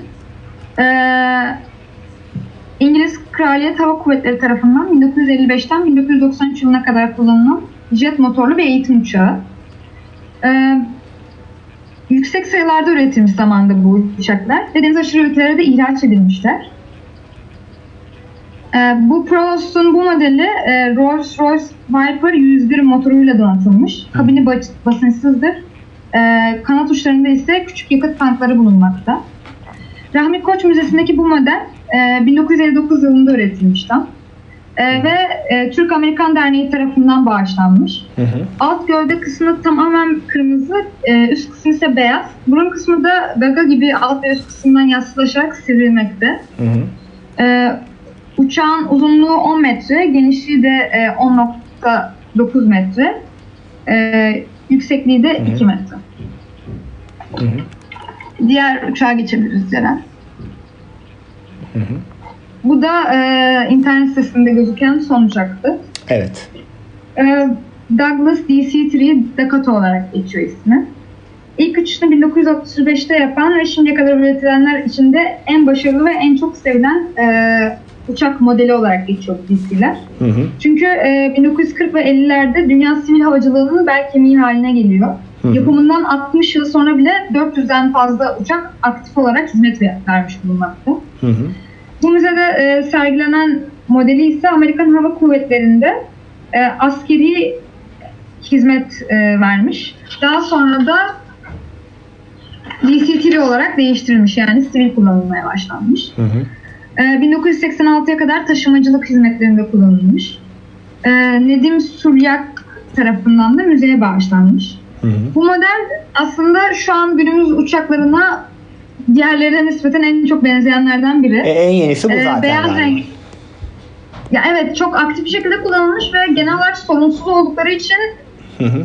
e, çok uzun yıllar ve çok uzun sayıda kullanılmış satışı falan çok devam etmiş. Hı hı. Normal uçak gibi aslında beyaz bir gövdesi var. E, gövdesinin yanında e, iki kanat. Kanatlara bağlı iki adet pervaneli motor. Pervaneli motorların altında da teker takımı bulunuyor. Bu tekerler tam olarak Evet. altında mı? Yani böyle çıkıp geliyor değil mi? Böyle bir girdiği yerleri mi var? Evet onların tekerleri? boşluğu var hocam ve e, boşluklu yerlerinden şu an e, şeyde durduğu için yere oturttuğu için tekerlerin üstünde duruyor. E, Rahmi Koç Müzesi'nde. Ama havalandığı Ama- zaman o tekerler içeri giriyor değil mi? Orası boşluk kalıyor. Evet orada bir boşluğu var sonrasında içine gidiyor. Hı hı. Peki bu kanatlar nasıl bir şekli var? Yani yan taraflarında herhalde. Evet bu e, geniş başlıyor yine kanatları ve gittikçe sivrilerek gidiyor. Uca doğru sivriliyor. Yani e, şey şeye bağlı uçağa bağlı kısım geniş uça doğru gittikçe sivriliyor mu? Evet ve şey mesela e, şu an genelde kanatlar pencere hizasından olur. Bunda daha uçağın altından gibi. Yani Hmm. sanki kanatların üstüne gövde oturtulmuş gibi. İlginç. Şimdiki uçaklarda öyle değil mi? Daha yakın mı yukarılarda mı? Şu ankinde sanki pencere hizasında. Ben böyle düşünüyorum. Şu an bir tereddüt ettim şu anki uçaklardan ama genel olarak pencere hizasında oluyor. Bunda daha aşağıda uçak kanatları. Hı hı. Ee, uçaklarla ilgili anlatacaklarım bu kadardı. Ee, diğer bir bölüm anlatacağım diğer bölümde modeller ve oyuncaklar olarak geçiyor. Evet. Ee, bu bölümde e, 1950'lerden 1900 e, pardon 1700'lerden günümüze kadar olan tarih aralığına, aralığına ait ince işçilikle yapılmış. Çoğu türün nadir olan örneklerine olan ölçekli modeller ve çok eski oyuncaklar bulunmakta. Hı hı. Ee, ilk modelimiz oyuncak gemiler e, başlığındaki oyuncak sandal. Hı hı. Bu sandal e, gümüş rengindeki tekerlekleri döndürüldüğünde içinde oturan 3 adet e, denizci bebekleri ellerinde kürekler çekiyor. Hı hı. Yani bildiğiniz kurmalı oyuncak gibi aslında. Tekerlek döndüğünde Hı hı. bebekler He. küreklerini çevirmeye başlıyor. Sen önce Ee, onu çeviriyorsun 1990 tekerleklerini sonra dönerken o kendiliğinden mi dönüyor böyle? Yok yani kurmalı gibi değil aslında. Çevirdikçe dönüyor. Ha, sen- Bıraktığında kalıyor. Anladım. Anladım. Hı hı. Ee, çünkü şey tekerleklere e, bir tel bağlı. Teller de bebeklerin ellerine bağlı. He. Bebeklerin elleri de küreklere bağlı. Yani teker döndüğü sürece bebek ellerini çevirmek zorunda kalıyor. Aa çok güzel. İyi düşünmüş ya. 1700'lere ait mi bu? Eski bir oyuncak mı? 1890'lı yıllarda Paris'te üretilmiş. Evet. Çok mantıklı. Mekanik bir şekilde şeyi sağlamışlar. Evet. Ee, sandalın ön kısmında bir Fransız bayrağı dalgalanıyor. Hı hı. Ee, denizci bebeklere de krem rengi dize kadar böyle pantolon. Ee, üstlerine de lacivert e, bir üst ve lacivert aynı renkte bir beret giydirilmiş. Evet.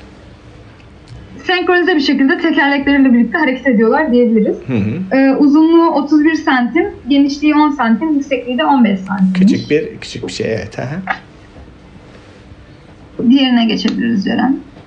Ee, müzenin bu kısmında oyuncaklar ve e, belli makinelerin modelleri karışık verilmiş. Hı hı. Ee, şu an mesela oyuncaklarda kullanılan bir buhar makinesinin e, modelini anlatacağım. Hı hı. Ee, çarklı gemi makinesi ve kazanın modeli olarak geçiyor bu model. Hı hı. 1872 yılında Londra'da mo- model Duck, Dockyard tarafından yapılmış. Hı hı. Bordaya çalan kahverengi bir tahta zemin üzerine oturun, oturtulmuş altı sarısı metal bir makine var.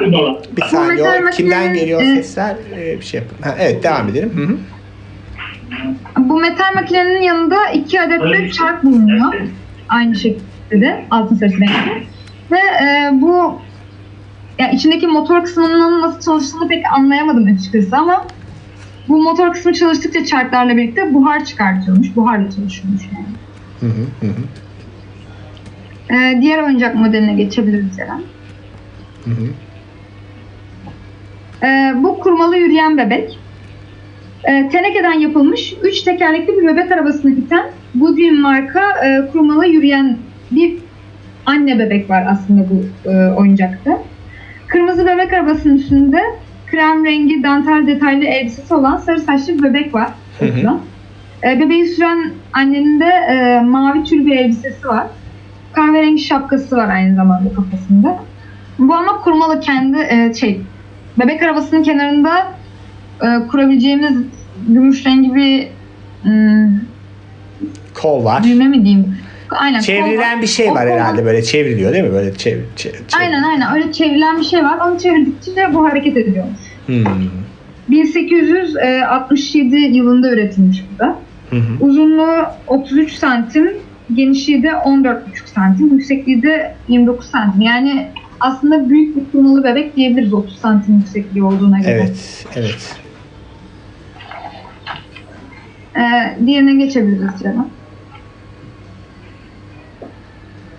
Ee, bu da teneke oyuncak otomobil olarak geçiyor. Hı hı. Ee, tenekeden yapılmış kurmalı oyuncak bir limuzin ve şoförü görülmekte. Hmm. Hans Ebel tarafından 1909 yılında Almanya'da üretilmiş. Hı hı. Ön tarafta e, elleri direksiyonda olan sarı üniformalı, kahverengi şapkalı bir şoför figürü oturmakta. Hı hı. Ve e, limuzin de, tabii limuzin dediğime bakmayın abi, bayağı eski bir araç aslında. o dönem için limuzinde büyük ihtimalle. Mavi haki yeşili böyle ağırlıklı bir e, deseni var genel olarak. İşte ön motor kısmının kaplaması mavi renkte ama arabanın arka kısmı e, haki renginde. E, ve altın sarısı detaylarla çizilmiş.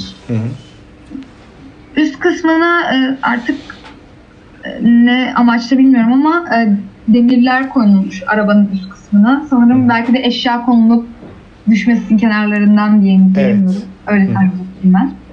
E, ve e, aynı zamanda motorun kenarında iki adet lambaya benzer yani sokak lambasına benzer aslında. Sanırım arabanın farı amacıyla yapılmış. İki adet de detay var. Evet. Dikdört, dikdörtgen prizma şeklinde. Hı hı. Ee, diğerine geçebiliriz Ceren. Bu da nadir ve önemli eski bir teneke tren seti. Teneke. Ee, Dessein tarafından 1850 yılında Fransa'da yapılmış. Ee, siyah üstüne kırmızı e, renge boyanmış ve vagonun her iki tarafında 6 tane pencere açıklığı bulunmakta. Pencerelerin altında siyah üstüne e, sarı fontla sıra sıra Lyon, Paris ve Marseille yazıyor. Ee, uzunluğu ya bu görselde sadece sanırım küçük bir vagonunu göstermişler. Çünkü uzunluğu e, bir buçuk metreymiş. E, genişliği 11 santim, yüksekliği de 17 santimmiş. Aynı zamanda bu e, modellenen tren dizel hızlı trenin e, 1.45 ölçekli üretilmiş çalışan bir modeliymiş. Yani aslında gerçek bir treni ufaltarak oyuncak haline getirmişler. Ölçekli küçük, küçülterek. Hı hı. O yüzden ticari olarak e, satışa sunulmuş dünyanın en küçük tren modelidir diye de geçiyordu internette. Hı hı hı. Ee, diğer motor modeline geçebiliriz yani. Şimdi e, iki tane motor modelinden bahsedeceğim. Bu ilk e, bahsedeceğim motor modeli Ericsson sıcak hava motoru. Ee, gerçek boyutunun dörtte biri büyüklüğünde çalışan bir motor modeli bu aslında. Hı hı. Hafif aletlerin çalışmasında kullanılmış. Görünüş olarak da aslında dört bacaklı bir tabure diyebileceğimiz yeşil bir taburenin üstüne Hı hı. kurulmuş silindir şeklinde bir motor ve motora bağlı 3 adet çark görünmekte. Hı hı. Aynı zamanda bu silindir şeklindeki ana motor gövdesinden çıkan başka bir siyah silindir var daha ince yarıçaplı. Ee, sıcak hava motoru olduğuna göre oradan da herhangi bir gaz çıkışı oluyordur diye düşündüm ben. Ama çok da emin değilim tabii ki. Hı hı. Model bu kadar. Ee, diğer bir gaz motorumuzda Ceren bir sonraki görsele gelebilirsen. Bu da e, 1910 yılında yapılmış. Gerçek boyutlarda bir motormuş. Hı hı. E, küçük atölye motorları genellikle kıvılcım sıcak tüpte ateşlenir, hava gazıyla çalışırlardı yazıyordu bunun açıklamasında. Ve şey, torna tezgahı gibi küçük aletleri kullanılmakta, e, küçük aletleri çalıştırmak için kullanılmış. Hı hı. Bu da tip olarak e, bir tane dikdörtgenler prizmasının üstüne Hı hı. yine silindire benzer bir motor gövdesi ve buna bağlı büyük bir kırmızı çarkla desteklenmiş. Hı. Ve belli boru ve kablo çıkışları yerleri var. Ama ne işe yaradığını tam olarak çözemiyorum. Ee, diğer motora geçebiliriz canım. Ee, bu da buharlı bir gemi makinesi modelinin Hı hı. motoru. Ee, bilgi olarak e, Rahmi Koç Müzesi'nin sitesinde kondansatörlü bileşik dikey e, buhar makinesi modeli olarak açıklamışlar bunu. Hı hı. Ters yönde hareket edebileceği mekanizma ilave edildiğinde denizcilikte de kullanılabilmekteymiş. Hı. Ee, tip olarak da gene a- ahşap bir e, zemin üzerine kurulmuş. Çok karışık bir aksam var aslında. Bir sürü kablo ve bir sürü e, boru birbirine bağlı. Yan tarafta bir çarkı var yine. Hı. Sanırım bu çark döndükçe belli başlı pistonları hareket ettirerek motorun çalışmasını sağlıyor. Buhar makinesi Ve, bu? e, Buharlı motor değil mi? Buharlı gemi makinesi için motor. Herhalde buhar o çarkı döndürüyor. Çark da döndükçe diğer pistonları mı hareket ettiriyor ki? Evet. Evet. Yani e, bir sürü piston ve bir sürü çark var. Yani neyin ne tarafa bağlandığını ayırt edemiyorum bile aslında. Ama e, bunu ileri ve geri mekanizmasını elde ettiğinde denizcilikte kullanılabiliyormuş. Herhalde denizcilikte kullanıldığına göre bu e, çarkın dönüş yönüne göre diye düşündüm ben. Pistonlar belli bir hareket kazanıyor. Kazandırıyordur diye düşündüm. Evet. Mantıken öyle görünüyor doğru. Diğerine geçebiliriz Ceren. Ee, bu da başka bir buhar makinesi modeli. Buna yandan kollu makine modeli demişler. Ee, küçük alanlarda kullanılmaya uygun olarak tasarlanmış. Düşük ağırlık merkezli bu makine. Ma- Bu makine kollu buhar makinesinin bir türü. Pompalama istasyonlarında ve ayrıca erken dönem gemilerindeki çarkların çalıştırılmasında kullanılmış. Bunda da e, bayağı yüksek bir zemin üzerine yine silindir bir e, motor kurulmuş. Ama e, zeminin bu kadar yüksek olmasının sebebi kullanılan çarkın çok büyük olması. Çark yere değmesin diye motor çok yükseltilmiş. Ve motorun e, silindirin tam o daire kısmından çok yüksek bir tane silindir şeklinde başka bir boru yukarı doğru yükseliyor. Hı hı. Bu yüzden de yandan kollu demişler buna. Buradan da gaz çıkışı oluyormuş. Hmm. Diğer motora geçebiliriz Ceren. Bu da buhar makinesi modeli olarak geçiyor. Ee, yatay tandemli bileşik bir buhar makinesinin 1880'lerde yapılan ölçekli bir teşhir modeli. Ee, bunda da yine kahverengi bir zemin üzerine yine silindir. Bu sefer diğerlerinden farklı olarak silindirlerin hepsi yataydı diğerlerinde. Silindir dikey olarak konumlandırılmış Hmm. ve e, çark da silindirin yanında bulunuyor. Ve birbirine bağlandıkları belli aksamlar var. Ama e, herhangi bir buhar çıkış yani diğerlerinde uzun kollar ya da belli yerler vardı buharın çıkışı için. Bunda belli bir buhar çıkış yeri yok gözüken. Belki de gözükmeyen açısında e, olabilir perspektifin. Benim anlatacağım kısmı bu kadardı. Çok çok teşekkür Ee, ederiz. Epey detaylı. Hem uçakları önce anlattın, sonra modelleri ve oyuncakları anlattın. Biraz Bayağı- betimlemekte zor zorlandım motor kısmı olunca çünkü ben de hangi Sen de anlayamadın muhtemelen. Karışık bir şey yani o ama hani orada Evet. temel olarak herhalde bu genel motorlarda önemli olan bir çarkın olması değil mi? Ve o çarkın dön- döndürdüğü ve bir yerlere bağlı olduğu pistonlar Evet. vesaire şeyler var. Bazı öyle bir şey. motorlarda birden fazla çark bulunuyor. Bazılarında bir tane. Artık bu da motorun kalite ve performansını etkiliyor anladığım kadarıyla. Evet. Peki. Çok Ne- teşekkür ederim. Merhaba ben İsmail. Ee, ben Atatürk bölümünü anlatacağım hı. Ee, bu bölümde sergilenen objeler e, Mustafa Kemal Atatürk'e aittir. E, Kurtu- Kurtuluş Savaşı'nda önemli rol oynayan ve daha sonra Atatürk'ün yakınları ve çalışma arkadaşları arasına katılan Albay Halil Nuri Yurdakul tarafından bir araya getirilmiş. Hmm. İlk, ilk objemiz ayakkabı. Atatürk'e ait ince topuklu, sade görünen siyah renkli, parlak kundura bir ayakkabı. Ayakkabının ön kısmında kalın kumaştan oluşan bir desen ayrıntısı bulunuyor. Onun dışında oldukça sade ve parlak. Kösele gibi mi böyle yüzeyi parlak diyorsunuz ama değil mi ayakkabının? Evet, kundura ayakkabı. Hı hı. Ee, ikinci objemiz kılıç. Ee, bu kılıç da Atatürk'e ait. Ee, tutma kısmı deriden yapılmış ve kahverengi Hı hı. bir tutma kısmı var. Ee, yanında da kılıfını görüyoruz. Kılıcın yanında. O da aynı şekilde deriden yapılmış.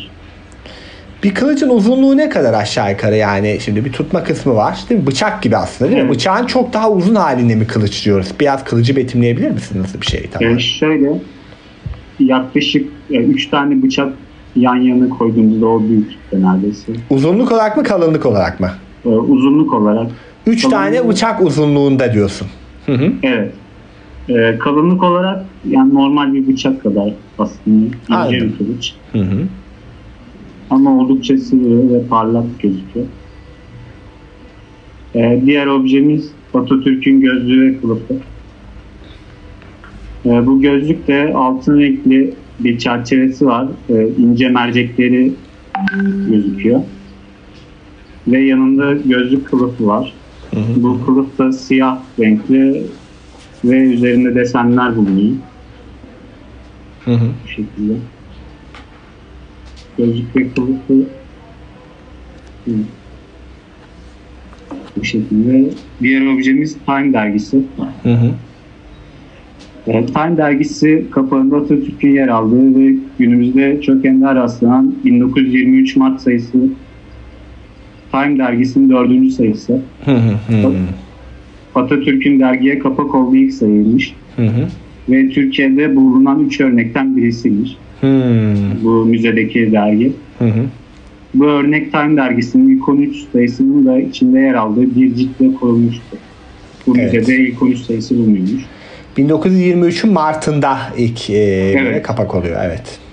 Bu derginin de dördüncü sayısıymış. Daha yeni çıkmaya başlamış dergi ve daha ilk Evet. sayılarından birinde e, çünkü Time dergisine kapak olmak hep böyle meşhur popülerdir ya o dönem daha Atatürk'e kapak yapmış. Evet. O yıl ilk, ilk dördüncü sayısında daha kapak olmuş. Hı hı. Ee, diğer objemiz sandık şeklinde bavul. Atatürk'e ait sandık şeklinde bavul, bavul bavulun üzerinde Gazi Mustafa Kemal anlamına gelen G, M, K harfleri bulunmaktadır. Hı hı. Bavulun markası Innovation'mış. Uzunluğu 60 santim, genişliği 72 santim, yüksekliği 115 santimetre. Ee, bavulun içinde beyaz bir gömlek görüyoruz. Ee, dışında siyah bir yelek E, alt tarafında iki tane ayakkabı görüyoruz. Hı hı. Siyah ve beyaz. Hı hı. Bavulun üç tane çekmecesi var. Onlar da açık şekilde bulunuyor. Bu şekilde. Bavul sence tekerlekli gibi bir şey mi yoksa altı boş yok mu? hayır. Tekerlek, tekerleği yok fotoğraflarında. Ama deri mi peki böyle şekil olarak yoksa ahşap mı? Nasıl bir şey görebiliyor? Evet, daha çok ahşap gibi gözüküyor. Ahşap değil mi o zaman? de Evet. Hı hı. kapanınca bavula dönüşüyor sandık şeklinde. Fermuarları var mı? Fermuarları yok ya şey gibi. Hmm, kilitli gibi. Ha, Fermuarları kilitleniyor. Tamam. Hı hı. Evet. Ee, Atatürk koleksiyonunda Latifa'nın koleksiyonu var Hı hı. ayrıyetten. Burada da Atatürk'ün eşi Latife Hanım'ın parçaları bulunuyor. Düğün gecesinde giydiği saten kumaş, Hı hı. üzerinde gümüş renkli boncuklar var. Hı hı. Özel kostüme bu kostüme ait bel kuşağı var. Ee, düğün gecesinde giydiği eşyaları gö- e, Hı hı. sergiliyorlar Sibel'in. Bu şekilde. Ee, ben ikinci kısımda yaşayan geçmiş koleksiyonunu anlatacağım. Hı hı. Burada 19. yüzyıla ait dükkan ve atölyeler bulunuyor. Hmm, bak bu Ye- ilginç. Hı hı. Ee, bu bölümde tornahane, zeytinyağı fabrikası, film seti, Hı hı. kaptan köşkü, balıkçı barınağı, motor tamir atölyesi, hı. sandal yapım atölyesi, fenli aletler, eczane, kunduracı, demirci, Hı hı. saat yapımcısı, gemi donatım ve oyuncakçı gibi dükkanlar bulunuyor. Hı hı. E, fenli aletler dükkanı var. Bu dükkanda teleskoptan mikroskoba, ölçüm aletlerinin ve çeşitli bilimsel aletlerinin yer aldığı fenli aletler, radyo, elektrik süpürgesi, daktilo gibi aletler bulunuyor. Bu acaba ne zamanla ne zamandan kalma bir dükkanın şeyini gösteriyorlar? 19. yüzyıldan. 19. Evet. yüzyılda evet. Hı hı. Evet. E, onun dışında eczane var bunun yanında. Hı hı. Kunduracı, demirci, farklı dükkanlar aynı sokakta betimlenmiş. Hı hı. Yan yana bütün Bu böyle bir sokak var. mı yapmışlar orada? Ben onu anladım. Evet. Bir sokak var ve burada bir sürü dükkan mı var? Evet yan yana dükkanları koymuşlar. Gerçekten onun içinde de eşyalar var. Mesela eczanede ne bileyim ilaçlar mı var? Yani nasıl gö- Evet. ölçenmiş? Ee, bunun ayrıntıları da yazıyor zaten. Hı hı. Ee, eczanenin içinde tıbbi aletler, vücut protezleri, ilaç yapımında kullanılan bitkiler. Bu döneme ait eczacı mankeni var. Evet. Yani dükkanların içine de o döneme ait eşyalar bulunuyor. Hı hı. Bu şekilde. Ee, ikinci e, marangozhane ve tornahane var. Bu dükkanların haricinde bu bölümde. İçerisinde tersanenin orijinal kı- kızarının da yer aldığı marangozhane e, ve kayışlar aracıyla hareket ettirilen torna tezgahı ve diğer aletlerinin bulunduğu tornahane var. Hı hı. Burada da yine aynı şekilde 19. yüzyıldan İngiliz yapımı bir torna tezgahı koyulmuş. Ee, bunda yine içinde bir manken var. O döneme ait e, tornada kullanılan malzemeler var. Hı hı. Bu şekilde diğer ismimiz balıkçı barınağı. Burada da e, o döneme ait balıkçıların kullandığı eşyaları görüyoruz. Halatlar, e, bir tane sandal var Hı hı. içeride. Onun dışında iki, iki tane balıkçı mankeni koyulmuş içine. Sandallarda Evet. mı balıkçı mankenleri? Sandal. Yok içeride oturuyorlar sandalyenin üstünde. Hı hı. Bu barınak şeklinde. Yanında da sandal var. Hı hı. Ee, duvarlarda balık minyatürleri var Hı hı. bu şekilde. Balıkçıları anlatmış. Hı hı. Diğer kısmımız zeytinyağı fabrikası. Burada da e, Arasar Zeytinyağı Fabrikası orijinal şekliyle sergilenmektedir. He. Ege'deki bir zeytinyağı fabrikasının orijinal şekliyle burada minyatürünü koymuşlar. Nasıl bir şey yani ne var böyle makine mi var orada zeytinyağını şey yapan zeytinle mi eziyor nasıl bir şey var? Hareket eden makineler e, bulun, bulunuyor. E, iki tane manken görüyoruz. Bir tanesi makinenin içine zeytin atıyor. Hı hı. E, fabrikadaki şeyler var. Orada üretim yapılıyor sanırım. Üretildiği bir tane makine var. Zeytin atıyor ve e, kısımlarından yağ çıkıyor. Anladım. O şekilde Hı hı. diğer kısım sandal yapım evi. Hı hı. Burada da aynı şekilde Haliç kıyısında Hasköy'ün hemen karşısında olan Hı hı. bir Ayvansaray Haliç semtindeki bir balık e, sandal yapım evini koymuşlar. Hı hı. Burada da 1980'lerin ortalarında yeniden imarı yapılan tarihi bir Ayvansaray'ın resmedildiğini görüyoruz. Burada da yine aynı şekilde ahşaptan kayık var. Hı hı. tane. Onun dışında m, duvarda sandal yapılırken kullanılan aletler var. Testere Hı hı. daha çok ahşap olan aletleri görüyoruz Evet. bu şekilde. Diğer kısmımız film seti. Burada 1996 Türkiye yapımı Kuşatma Altındaki Aşk adlı filmden alınan Hmm. bir film setini görüyoruz. Ee, İstanbul'da bir evde düzenlenen bir düğün, düğün yemeği canlandırılmaktadır. Hı hı. Bu bir filmin setinden alınmış tamamen orijinal şekilde. Yani ne var orada masa sandalye öyle şeyler filmlerinde ne var yani Evet. içinde? Kamera var bir tane. Yani üç tane kamera var aslında Hı hı. Farklı şekillerde ve hani insanlar yemek yiyor Hı hı. film setinde. O, o döneme ait kameralar görüyoruz. Ama buraya giriş yok sanırım. Kapatılmış. Hı. O şekilde. Diğer kısmımız Usta'nın motor tamir atölyesi. Hmm. Burada da yine aynı şekilde döneme ait bir atölye görüyoruz. Motor tamir atölyesi. İçinde eski tip bir telefon var ve diğer cihazları görüyoruz. Tamir, tamir edilirken kullanılan. Hı hı. Ee, 1927 İstanbul doğumlu olan Heybeliada'da yaşayan Konstantin Ananyidis'in bir zamanlar çalıştırdığı atölyenin günümüze taşınmış haliymiş. Ee, Hı hı. Yani o dönemdeki teknik donanım, donanıma sahip ne kadar olmuyorsa içeride o aletler var. Gün- Günümüzdeki gibi değil. Evet. Bu şekilde ve son kısmımız Kaptan Köşkü. Burada iki İngiliz gem- gemisi Cemil Parman ve John McCain kurtarılmış parçalarından tasarlanmış bir Kaptan Köşkü var. Bu gerçek gemiden alınmış. Hı hı. İngiliz gemisinden 1938'de ve 1922'de kurtarılmış parçalar var. Hı hı. Kaptan Köşkü'nde de ya geminin iç kısmındaki bir odayı görüyoruz. O şekilde bir koltuk var içeride. Hı hı. Bu kadardı benim anlatacaklarım. Peki çok teşekkür ederiz. Sağ ol.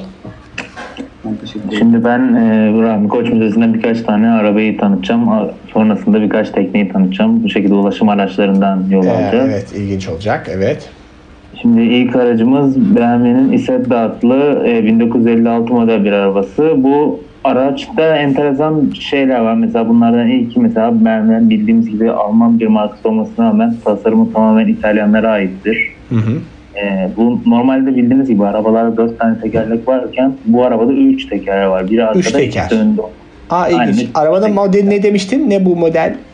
BMW'nin Isetta modeli. Be- BMW Isetta modeli. Hı hı. Üç tekerli. Evet. Evet, üç tekerlekli. Baloncuk araba diye geçiyor. Bu araç aslında İkinci Dünya Savaşı sonrasında kısa mesafeleri seyahat etmek için uygun ve ucuz araçlara ihtiyaç duyulduğu için üretilmiştir. Yani bir ihtiyaçtan dolayı ortaya çıkmıştır. Hı hı. Ee, arabanın tipi genel olarak hani yumurta benzeri bir şekli var. Bombeli Evet. pencereleri sebebiyle hatta baloncuk araba diye geçmekte. Hı hı.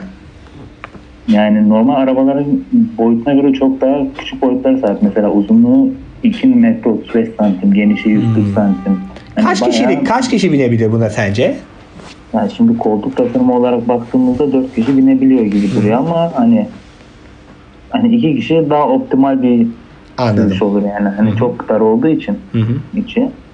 Ee, yine aynı şekilde normal arabalardan fark yok. Hani pencerelere yine hani direksiyon şekli Hı hı. bakımından bir farkı yok. Peki sence motoru nerede bunun? Arkada mı önde mi böyle şey? Motoru önde yine Önde mi? klasik önde ama kaputu hani diğer arabalardaki düz yatay bir şekilde değil hani camla beraber hafif çapraz eğimli bir şekilde iniyor yani. Hani böyle ön kısmı geniş uzun bir tasarıma sahip değil. Hmm. Yani 1955 yılında e, Nisan ayında ortaya çıktıktan sonra bu araç Rahmi Koç Müzesi'nde 2011 yılında Barry Croston adlı biri tarafından İngiltere'de restore edilip armağan ediliyor. Evet. E, bu modelde renk olarak mavi ve gümüş renkleri tercih edilmiş. Yeni hatlarında mavi, ara renklerde de gümüşle ayrıntılarını ön plana çıkarmaya çalışmışlar. E, bir diğer aracımız e, bir yarış otomobili. Fittipaldi F8 yarış otomobili diye geçiyor. Hı hı. E, bu araç ilk defa 1975 yılında Grand Prix yarışlarına katılmıştır. Hani e, Formula 1 araçlarının yara- yarıştığı yarış turnuvasına katılmıştır. E, hatta bu aracın ismi 1980'in Temmuz ayında Em- Emerson Fittipaldi tarafından kullanıldığı için Fittipaldi yarış otomobili diye. Yani Hı hı. sürücüsünden geliyor bunun ismi. Hı hı Ee, F1 yarış arabalarının klasik e, şekline sahip bu araç. Ben Şimdi biraz onu anla. Yarış arabasının diğer arabalardan farkı ne? Nasıl bir şekli var? Yarış arabaları genel olarak yerden hani 5-10 santim yükseklikte. Yani aerodinamik açıdan daha iyi bir e, Ha çok az yükseklikte. Peki yani otururken otururken araçlar tek kişi zaten. Arabanın tam ortasına bir tane yarış pilotu oturuyor. Tek ve tek kişilik. Hı hı. Kafası dışarıda kalabilecek şekilde herhangi bir penceresi yok zaten üst kısım açık kaskla bindiği bir araç. Yani hani şeyi gündelik kullanıma uygun değil zaten Ha, şekilde. üstü açık oluyor yarış arabalarının. İçi kapalı, Evet. üstü açık, kafası çıkıyor. Penceresi falan yok. Bir kişinin Yok. sığacağı. bir kişinin sığacağı. Lastikleri mesela normal aracın lastiklerinden farklı. Mesela normal arabaların lastikleri dişli olur yol tutuşunu arttırmak için. Bunlar yarışlarda sürtünmeden dolayı böyle hız, enerji kaybını azaltmak için daha sürtünmesiz, e, dişsiz lastik diye geçer. Onlar kullanılır ve lastiklerin çapları çok geniştir yol tutuşunu arttırmak için. Hı. Öne doğru incelen bir burunları vardır. Hani arkada da spoiler yere, arabanın yere basmasına yardımcı olmak için kullanılır. Yine dört tekeri var değil mi? Yine dört tekeri var aynı şekilde. Sadece normal arabadan farkı dediğim gibi yere çok yakın olması ve tek kişilik olması. Bir şey soracağım. Bu tekerleri peki arabanın e, yanlarından mı çıkıyor yoksa a, bir uzun büyük mü yani? Klasik her zaman hani Hı. klasik arabalardaki gibi yanlardan önde iki arkada iki olmak üzere sadece üstlerini kapatan bir çamurluk yok bunda. Ha yok. Hmm. Ve araba da tekere çok yakın o zaman yerden yüksekliğe. Aslında tekerler de çok yüksek değil o zaman değil mi? Hani öyle Çok anlıyorum. değil. Çok yüksek değil yani tekerlekler yaklaşık 18 inç 20 inç civarı olacağından dolayı onlar da çok yüksek bir yerden yüksekliğe sahip değil. Hani mümkün olunca araba daha yere yakın olsun ki yol tutuşunu arttırsın hani daha aerodinamik hale getirebilmek için ne kadar yere yakın o kadar iyi. Anladım. diye düşünmüşler üretirken. Bir diğer aracımız e, Jaguar S-Type modeli. Bu aracın manevi bir değeri var müze için. Çünkü bu araç müze çalışanı olan Aydın Çubukçu'ya aittir ve ve- vefatından sonra eşi bu arabayı müzeye armağan etmiştir. Hı hı. E, bu araba e, böyle yumurta akı rengindedir. Klasik Jaguar'ın ismi gelen hani Jaguar hayvanın amblemi arabanın ön- önünde bir amblem olarak göze çarpmakta. E, bu bu arabanın aslında Jaguar markası ilk başlarda SS diye geçer ama bu 2. Dünya Savaşı'nın Nazi rejiminden dolayı markanın Evet. tutmayacağını, satamayacaklarını düşündükleri için ismini Jaguar olarak çevirmişler. Ee, bu bildiğimiz normal yani şehirlerde kullanabileceğimiz şehir içi şehir dışı yani rahatlıkla kullanabileceğimiz bir araç tarzına sahip. Hani dört tane tekeri var. Yani Hı hı. önde koltuklar, arkada koltuklar bir ailenin rahatlıkla e, bir ulaşım yapabileceği bir e, hale sahip. E, bunda farlar yuvarlak şeklinde ve dört tane olup böyle hepsi ön tarafta birleşmiştir. Bu da Jaguar'ın hani geçmişte 60 ve 80 yılları arasındaki modellerinin çoğunda kullandığı bir tarza sahip. Hı hı. Önde e, motoru soğutmak için bir hava ızgarası bulunuyor. Oradan giren hava klasik e, motoru soğutun yani çoğu arabada kullanılan bir şekilde. E, klasik sedan bir araç ama manevi değeri tabii ki müze için çok yüksek. Çünkü orada çalışan yıllarını vermiş bir insandan geldiği için. E, bir şimdi e, teknelere geçersek e, Made of Honor diye bir tane amiral teknemiz var. Bu amiral teknesi e, 1927 model olup dizel motora sahip ilk pirinç bacalı tekne. Aslında dizel motorların pirinç bir baca ihtiyacı yok ama burada e, dışarıdan baktığımızda tam ortasında pirinç bir baca görsel olarak daha güzel gözüktüğü için hani onu tutmak istemişler ve çıkarmamışlar.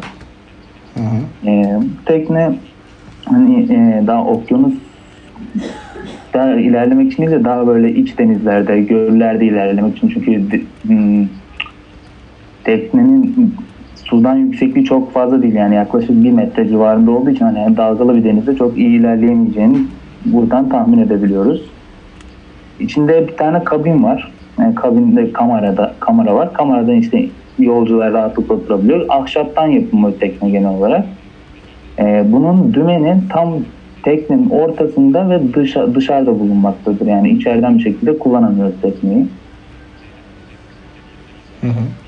Yani bu teknik olarak özelliklerinden bahsetmek gerekirse mesela uzunluğu 17 metre, genişliği 3.2 metre olarak geçiyor. Ee, teknenin renklerinde genel gövde hatları koyu lacivert olup üstteki dümenin olduğu kısımlar beyaz renkte ve o dümenin üstün dümenin önünde demin bahsettiğim o pirinç e, şeyimizden var. Yani ne derler? Pirinç bacamızdan var. Hı hı. Teknemiz bu şekilde. Biraz seri anlatıyorum bu arada. Tam aklınızda bir soru varsa sorabilirsiniz. Tabii tabii sen devam et. Hı hı. Diğer teknemiz de e, uzaklar teknesi olarak geçmektedir. Bu, Ha, bu meşhur e, şey dünya turuna çıkan Sadun Boran'ın mıydı? Aynen Sadun Bora ve eşi Oda Bora bu tekneyle dünya turuna çıkıyor. Hı hı. 1965-68 yıllar arasında Hı hı. ve dünya denizlerini hani Türk bayrağıyla dolaşan ilk Türk yatçı olarak denizcilik tarihimize geçmiş hı. olmaktadırlar. Ee, bu yolculuk tam 4 yıl 10 ay ve 6 gün sürmüştür. Antalya'dan başlıyorlar bu yolculuğa. Hı hı. Ve bu teknenin bir özelliği daha var. Bu dünya turu yapan en küçük tekne özelliğine sahip yani. Hmm. Bundan daha küçük bir tekne dünyayı dolaşamamış henüz. Hı hı hı hı. Bu tekne e, yelkenli bir tekne. Tek bir dümene sahip. Hani Oo. boyutundan gereği de Aha. tek bir dümen var. Klasik yani yelkenlerde olduğu gibi iki çeşit e, yelkeni var. Bir ana yelkenimiz var. Bir de önde bulunan flok yelkeni var. Hı hı. Ee, bu işte yelkenler sayesinde motorun yetmediği durumlarda işte yol, yol almalarına sebep yardımcı oluyor. Bir de bunların içinde kamera var tabii ki insanların yatması için. Kamera işte küçük pervaz camları bulunan çok büyük bir alana sahip değil. Ahşaptan yapılma bir oda gibi Evet, düşünebiliriz. evet. Küçük bir evin odasından çok bir farkı yok aslında. Kaç kamerası var bunun? İki kamerası mı var? Ya bir ana kamera var. Bir de hani tekne küçük olduğu için ön tarafına doğru. Onun arkasında mutfak ve banyo var. Hmm. Vay be onda 4 yıl dünya turu yapmışlar ha. Bu kadar. Aynen. Tekne. Teknenin iskele ve sancak tarafında da güneş panelleri var. Bu sayede işte mutfakta bir iş yaparken oradan elektriği sağlayıp bu şekilde dünya turlarını hiçbir yere durmadan tamamlayabiliyorlar. Hı hı.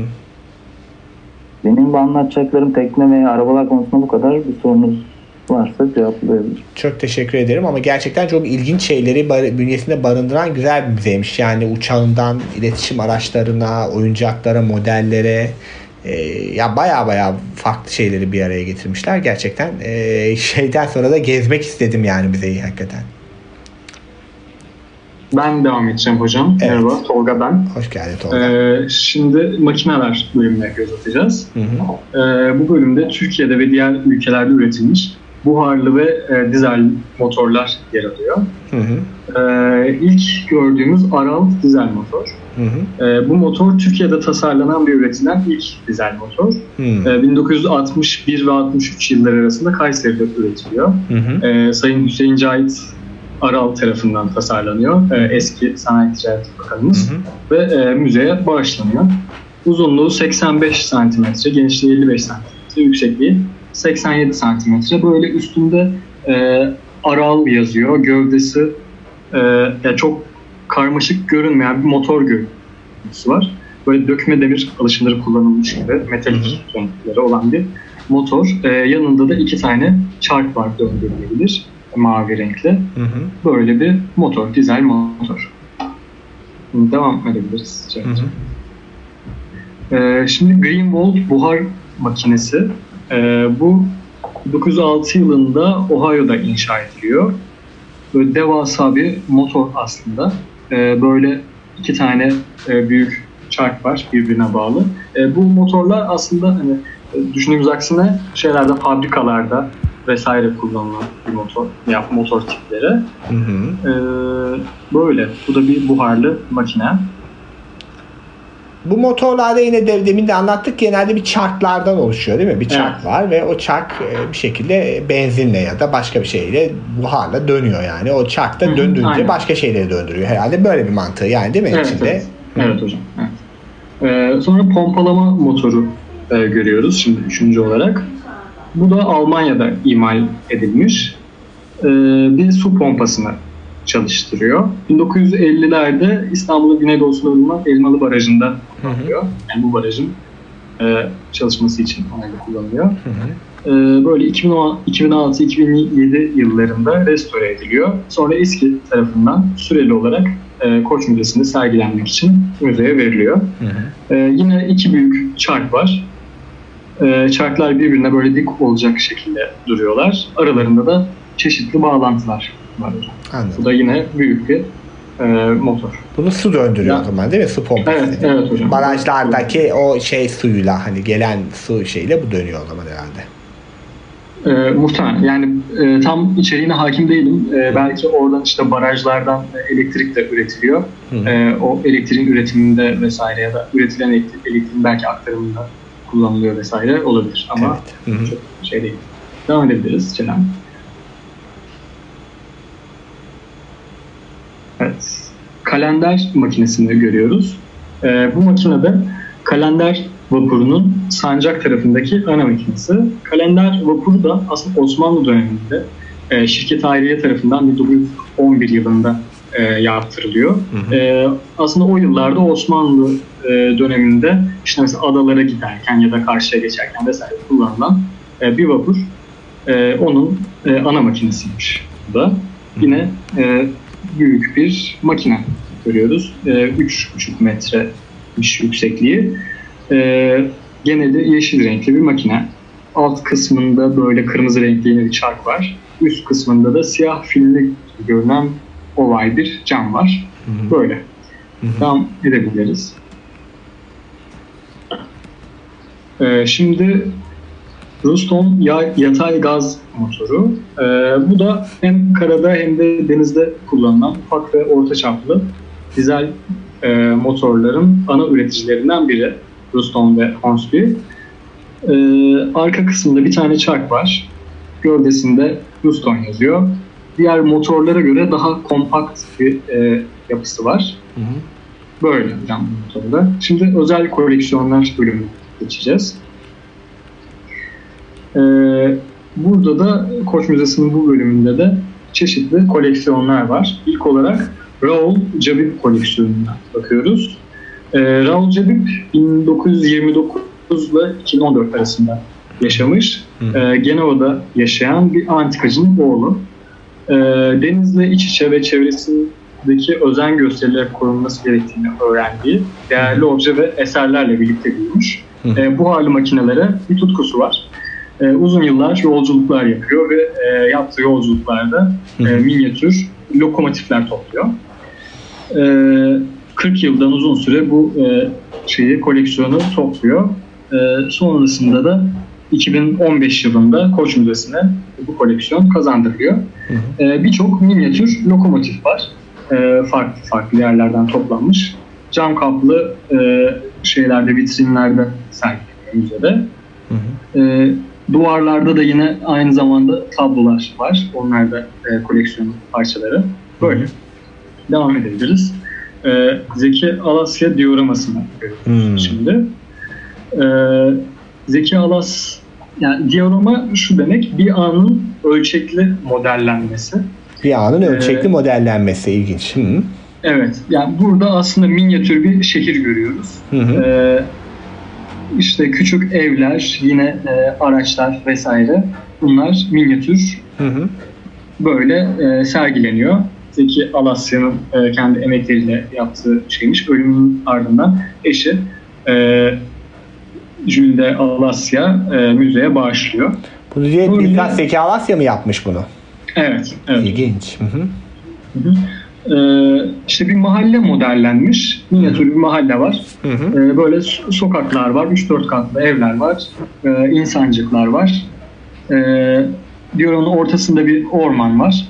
Böyle bir bunu bu ayağı normal minyatürden tek tek yapmış mı yani böyle ele ahşaptan evet, anladım valla bayağı evet. uğraşmıştır yani güzel. Evet epey de epey de büyük e, karmaşık hmm. bir şey. Hı hı. E, şimdi Yasemin Uygur şapka koleksiyonunu görüyoruz. Hmm. E, şapkalar aslında ilk milattan önce 3200'lerde kullanıldı e, saptanıyor. Mısır, hmm. antik Mısır'da mezar hmm. resimlerinden görüyoruz bunu.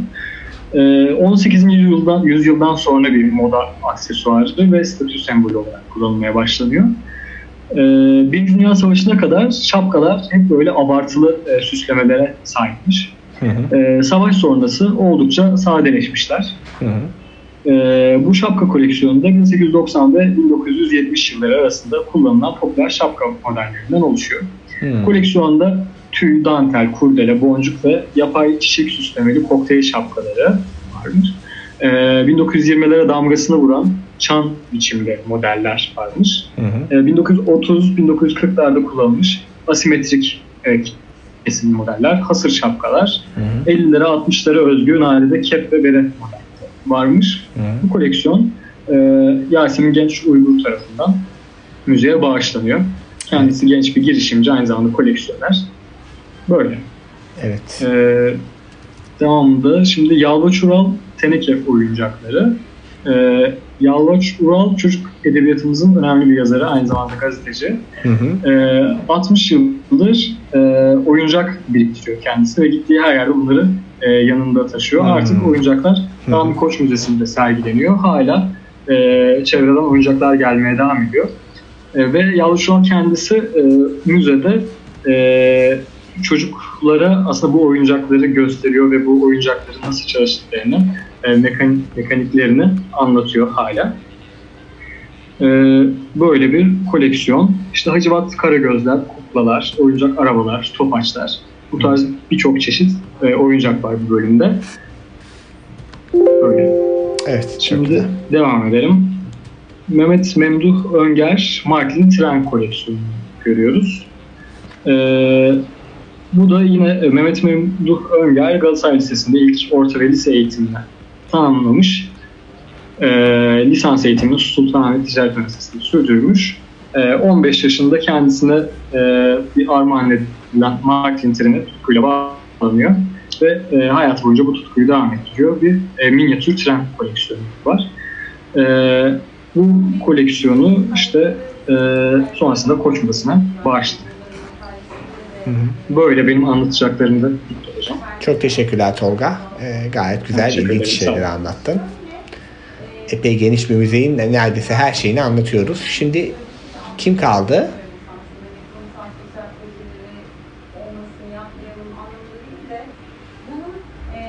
Ben kaldım hocam. Merhaba. Merhaba. Ertay benim ismim.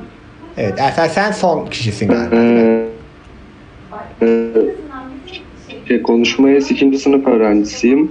Hı hı. Müzelerle ilgili fikrimde e, arkadaşlarımla hemen hemen aynı şekilde. Yurt dışına çıktığım zaman e, özellikle gitmek istediğim birkaç müze belirleyip gitmek istiyorum veya gidiyorum. Ama ülke içindeki müzelere gereken değeri vermediğimi düşünüyorum. Kendime özel işte olarak. Ki bu müze de bayağı iyi bir müzeymiş değil mi Erkay? E, ben de Evet, bu, bu müze sayesi, bu sunum sayesinde ben de bir müzeyi baştan sona gezmiş oldum. İçinde de cidden çok enteresan, birçok kişinin ilgisini çekebilecek farklı koleksiyonlar var. Hı hı. Orijinal bir müze olmuş bence baya. Bayağı beğendim. Evet gerçekten. Ee, ben e, Fenerbahçe e, vapuru koleksiyonuyla başlamak istiyorum. Hmm. E, iki tane anlatacağım koleksiyon var. E, Fenerbahçe vapuru e, aslında bildiğimiz e, vapurlara benzeyen bir vapur şekline sahip. Uzun bir gövde, bir e, bacası falan var ama bu vapurun özellikle e, bir tarihi var. E, bu vapur e, eşi de var bu vapurun. Dolmabahçe vapuru diye adlandırılıyor. Hı hı. E, ikisiyle birlikte 1952 yılında İskoçya'da üretiliyor. Hı hı. Ve e, bu vapurlar bahçe tipi vapurlar olarak geçiyor tür olarak. E, aynı zamanda bu üretildikten bir yıl sonra da şirketi Hayriye'de yani bugünkü Türkiye Denizcilik İşletmelerinde 14 Mayıs 1953 tarihinde hizmete giriyor. Ve çok uzun yıllar boyunca Sirkeci, Adalar, Yalova, Çınarcık arasında seferler yapıyor. Hmm. E, bu vapur yaklaşık 60 yıl e, 60 yıl boyunca daha doğrusu 55 yıl boyunca hizmet yaptıktan sonra Of. 22 Aralık 2008 tarihinde Veda Turu isimli bir son sefer gerçekleştiriyorlar. Ve adanın şey, vapurun e, İstanbul'daki son kullanışı oluyor 2008 tarihi. Bundan sonra da 2019 yılında e, Rahmi Koç Müzesi'nde geliştirilen e, müze vapuru olarak ziyarete açılıyor Fenerbahçe vapuru. Hı hı. Ee, işte İstanbul Büyükşehir, Büyükşehir Belediyesi tarafından e, süreli olarak bu vapur müzeye veriliyor. hı. Şu anda hala Rahmi Koç Müzesi'nde 10 yıl aşkın süredir bulunuyor. Peki bu vapurun içine direkt giriliyor mu yani öyle bir şey yapılmış hani yoksa öyle bir yerde mi görülüyor? Yoksa içine girmek mümkün mü şeyden? Evet bildiğimiz bildiğimiz aslında şu anki olan vapurlardan e, birazcık daha büyük boyutta. E, müzedeki haliyle ilgili e, tam bir bilgim yok çünkü müzedeki fotoğrafı yerine çalışır zamanki fotoğrafını e, müze şey olarak koymuşlar. Hı hı. Ama e, ben şu anda e, içine e, e, maket boyutta girilebildiğini düşünüyorum. En azından e, müzeye bu 10 yıllığına belli bir süreliğine verdikleri için Hı hı. e, içinde girilebildiğini düşünüyorum. Ama şu anda onun hakkında tam bir bilgim yok. Yanlış bir bilgi vermek istemiyorum. Oldukça büyük bir vapur ama uzun böyle e, Beşiktaş şu an çalışan vapurlardan bir tık daha uzun olduğunu söyleyebilirim görsel olarak en azından. Evet. Ee, benim bir, bir sonrası e, bir sonraki geçmek istediğim koleksiyon da demiryolu ulaşımı koleksiyonu. Ee, müzenin raylı ulaşım kısmı iki bölümden oluşmaktadır. Aralarında Sultan Abdülaziz'in saltanat vagonu ve Kadıköy Moda tramvayının da yer aldığı demiryolu araçları, ince işçilikli lokomotif ve tramvay modellerinin yanı sıra demiryolları ile çeşitli fotoğraflar, efermalar sergilemektedir. Ee, Benim başlamak istediğim e, koleksiyondaki ilk eser Sultan, e, Sultan Abdülaziz'in saltanat vagonu. Hı hı. Bu vagonun da çok azıcık bir tarihinden bahsediyorum. Birmingham'da yapılan bu vagon Türkiye'de ilk demir yolunu inşa eden İngiliz çiftçi tarafından Sultan Abdülaziz'e sunulmuştur. Vagon Sultan Abdülaziz tarafından 1867 yılında Fransız İmparatorluğu 3. Napolyon, İngiltere Kraliçesi Victoria, Belçika Kralı, Prusya Kralı ve son olarak Avusturya Macaristan İmparatorluğu ile görüştüğü Avrupa gezilerinde kullanılmıştır. Ahşap pencerelerin yanında krom çizgileriyle dikkat çeken bu vagon ayrıca üst kısmı lacivert rengi e, bir tabana uygulanmış çeşitli motif, motifleri de bulunmaktadır. Bu vagon hocam e, dikdörtgen şeklinde bir e, vagon olarak düşünebiliriz. Bildiğimiz şu anki e, Taksim'de de bulunan bir tramvay vagonu gibi bir boyutu var ama dış olarak özellikle Sultan Abdülaziz'e sunulan bir hediye gibi olduğu için dış kısmı son derece, derece gösterişli. Ahşap şekilde böyle pencereler yapmışlar e, bu şeyin vagonun sağ tarafına ve muhtemelen sol tarafına da. Altına da böyle Çin'i tarzında diyebileceğimiz aslında küçük böyle çok göz görmeyen bir motif koymuşlar. Yani bir nevi e, Sultan bununla bir ulaşım sağlayacağı için e, fiziksel görünüme de önem vermişler. E, şu anda böyle son derece e, otantik, e, tatlı gözüken bir e, vagon olduğunu söyleyebilirim Evet. bu vagon hakkında. E, ve bir sonraki fotoğrafa geçebiliriz. E, bir sonraki e, fotoğraf ise e, çoğumuzun bildiği aslında şu anda hala devam eden tünel vagonunu makinesi. ya Tünel He. vagonu ve makinesi. Bu Taksim Ee, tünelden mi hakkında bahsediyorsun? ufacık bir bilgi verirsem. Taksim'deki aynen Taksim'deki Galata ve İstiklal caddeleri arasındaki kısa ve dik bir yeraltı yolu olan tünel Londra, New York metrolarından sonra ikinci en eski yeraltı taşıma sistemidir. Öyleymiş 17 evet. Ocak 1875 tarihinde hizmete verilmiş. Hı hı. Ee, e, tünele ait 19. yüzyıldan kalan bu yolcu vagonu 1873'te e, bir şirket tarafından Fransa'da üretilmiştir. E, vagonun e, şeyini de özetlemeye çalışırsam özellikle bu silindir yani vagonu Hı hı. aslında aşağıdan yukarı çekmeye e, sağlayan bir silindir sistemi var. Bu silindir sistemi de böyle iki tane çok büyük siyah silindirden oluşuyor ve bu silindirleri hareket ettiren bir kayış var yani alttan yukarı doğru dönen. Evet. Ee, aynı zamanda bu büyük bir yatay buhar makinesine bağlı olarak çalışıyor. Son derece eski bir sistem olduğu için Hı hı. o zaman da e, şeyi düşünürsek e, çalışan aletlerin, ulaşım aletlerinin çoğunu buhar gücünden elde edildiğini düşünürsek Hı. bunda da aynı şekilde buhar makinesine bağlı olan bir sistem kullanmışlar. E, ve İETT tarafından e, süreli olarak veriliyor bu kayış şeyi şu anda müzede sergilenmesi için. Ama bizde zaten şu anda İstanbul'da hala bu e, bildiğimiz gibi tünel Evet. hattı işlediği için biz de hala kullanabildiğimiz, yıllardır kullanabildiğimiz İşte bir bunun taşıma aracı Mantığı aslında. şöyle değil mi? Şimdi aşağı ve ikisi bir arada hareket etmek zorunda. Çünkü yukarıdaki hareket ederken o kayış aşağıdakini de yukarı çekiyor gibi bir mantığı var değil mi bunun? Ben öyle yanlış mı biliyorum onun şeyini? Evet çift e, çift silindirli olduğu için zaten yani sizin de söylediğiniz gibi bir silindir yukarı doğru çekerken bir objeyi diğer silindir de aşağıya vermiş oluyor. Sizin de söylediğiniz gibi çift taraflı bir çalışma sistemi oluyor. Yani aslında e, e, çok basit bir basit makine mantığıyla e, gücünü de buhar gücünden alıyor. O zamanlar elektrik veya mazot yakıt olarak Evet. çok kullanılmadığı için. Acaba bugün neyle çalışıyor o tünel? E, Bugünkü yapısında buharla almıyordur herhalde artık. Değiştirmişlerdir ama mantığı aynı çalışıyor. Bugün büyük ihtimal elektrikle olduğunu düşünüyorum ama tam da emin değilim açıkçası. Genel olarak e, metroları falan düşündüğümüzde. Evet. E, ama son derece bence orijinal halini bozmadan bir e, restorasyonla tünel hattı kullanılabilir halde. Ben yani seviyorum. Ben de- ben de çok severim. Onu mutlaka eski binerim. tarihi Tramvaydan çok daha seviyorum yani şeyin içindeki İstiklal Caddesi içerisinde. Kesinlikle. Bir de arkadaşlar yazın e, İstanbul'u bilmeyenler için şey belirteyim. koleksiyonda Ha, ha, şey diyecektim. Yazın o tünelin içi çok serin olur böyle. Kışında tam böyle şeyden çıktığınız zaman böyle çok sıcakta ona girdiğinizde oh böyle bayağı rahatlarsınız. Öyle bir serinliği var o tünelin.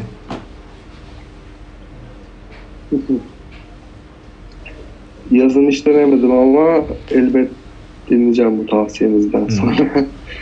Ee, bir sonraki koleksiyondaki e, da e, betimlemek istediğim eser e, Mototren La Litorina diye e, bir e, tatlı bir tren. Bunun da bir hikayesi var. Önce e, bu bir mototren. Bir mototrenin ne demek anlatmak Evet. istiyorum. E, mototren hem ön hem arka tarafında motoru ve sürücü kabininin bulunduğu için raylar üzerinde lokomotife ihtiyaç duymadan kendi motorlarıyla hareket edebilen tek vagonlar oluşan demiryolu taşıtına verilen isimdir. Yani bu aslında e, bildiğimiz tren mantığından daha farklı çalışıyor. Hem ön tarafında hem arka tarafında bir motoru var. Yani çift yönlü aslında hareket edebilen ve e, lok, bir lokomotife bir şey sistemine ihtiyaç, lokomotif sistemine ihtiyaç duymadan hareket edebiliyor. Bu yüzden e, farklı bir taşıt ismi, mototren gibi diye bir isim koyma ihtiyacı duymuşlar. Ee, bu aracı da tarif etmeye çalışırsam öncelikle böyle cilalanmış hardal renginde bir e, boyası var ve ön tarafında çok kalın ızgaralar bulunuyor. O kalın ızgaralar büyük ihtimal e, bu arada 1937 yılında üretiliyor bu. Onun da İtalyan bir demir yollarında İtalyan demir yollarında kullanılıyor ve 1937 yılında İtalya'da üretiliyor. Bu tarihte üretildiği için büyük ihtimal e, o zamanki motorların daha büyük hacimlerde olduğu düşünülürsek ön tarafında çok geniş uzunlamasına e, havalandırma kanalları bulunuyor. Bu büyük ihtimal motorun içindeki e, şey soğuk hava ve sıcak hava çıkışını girişini ayarlayabilmek için motorlar çok çabuk ısınıyor bildiğimiz gibi o zamanlar. E, hardal ve parlak renk, parlak bir hardal renginde dış bir görüntüsü var. E, bunun restorasyonu da oluyor hocam. Bu kullanıldıktan sonra e, 10 yıllığına e, 19 şey 2011 yılında 10 yıllığına Tofaş Türk Otomotiv Otomobil Fabrikası'nın sponsorluğunda Amerika'dan Türkiye'ye getiriliyor. Normalde bu Amerika'da bulunan bir e, mototren. Ve bunun e, 1992 yılında bir restorasyonu var. E, bu kasırga tarafından zarar gören bir tren ve kasırga tarafından zarar görmeden önceki haline ulaştırmak gibi bir amaçla bu trenin bir restorasyonu başlıyor. E, ahşap ve iç kısmının dekorasyonu e, değiştiriliyor. Yani buranın e, bir, bir nevi restorasyonu yapılıyor. Ee, dış görünümde de renginin belirtilmesi için alt katmalarında saklı kalmış orijinal rengini ve parlaklığını kaydetmemiş parçalardan yararlanır. Yani biz bunun e, bunun boyasını yaparlarken restorasyonda yine trenin üstünde bulunan ve en az en az zarar görmüş boya sayesinde bunun restorasyonu boyaması yapıyor. O yüzden bildiğimiz aslında orijinal haline e, çok sadık kalan bir e, taşıt olduğunu, dış dış görüntüsünün olduğunu söyleyebiliriz yani renk yapay bir renk kullanılmıyor. Evet. Ee, benim geçmek istediğim bir sonraki e, sizin eklemek istediğiniz bir şey var mı? Yok çok teşekkürler. Devam edebilirsin. Ee, bir sonraki şeye geçmek istiyorum.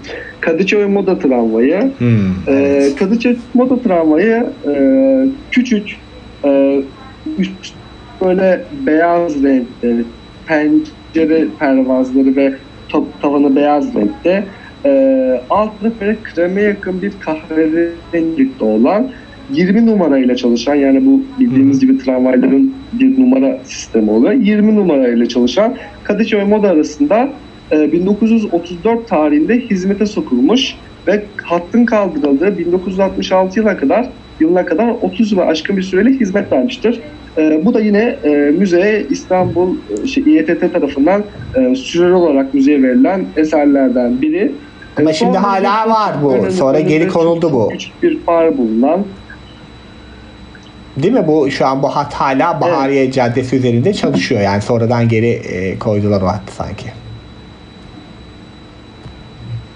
Hı hı. Bu e, şey e, o hat üzerinde büyük ihtimal e, 30 yıl boyunca sadece bu vagon hizmet veriyor. O yüzden 1966'ya kadar hı hı. gibi bir e, süre vermişler. Yani 30 yıl boyunca sadece bu vagon hizmet veriyor. Of, e, son derece basit böyle geniş camları bulunan e, Taksim'deki tramvayla kıyaslarsam e, oradaki tramvayı da hı hı. konuşmamın başında az buçuk metinlemiştim. Taksim'deki tramvaya göre daha böyle bir mütevazi havası var. Daha böyle geniş camları. Yani hı hı. daha böyle ulaşıma odaklı gibi. Taksim tramvayı gibi e, şaşalı yok açıkçası. Yani dış görünüş olarak daha böyle e, az süsü bulunan bir tramvay olduğunu söyleyebilirim. Hı hı. Ee, bir son bir sonraki geçmek istediğim e, ulaşım e, aracı ise G10 lokomotif ve treni.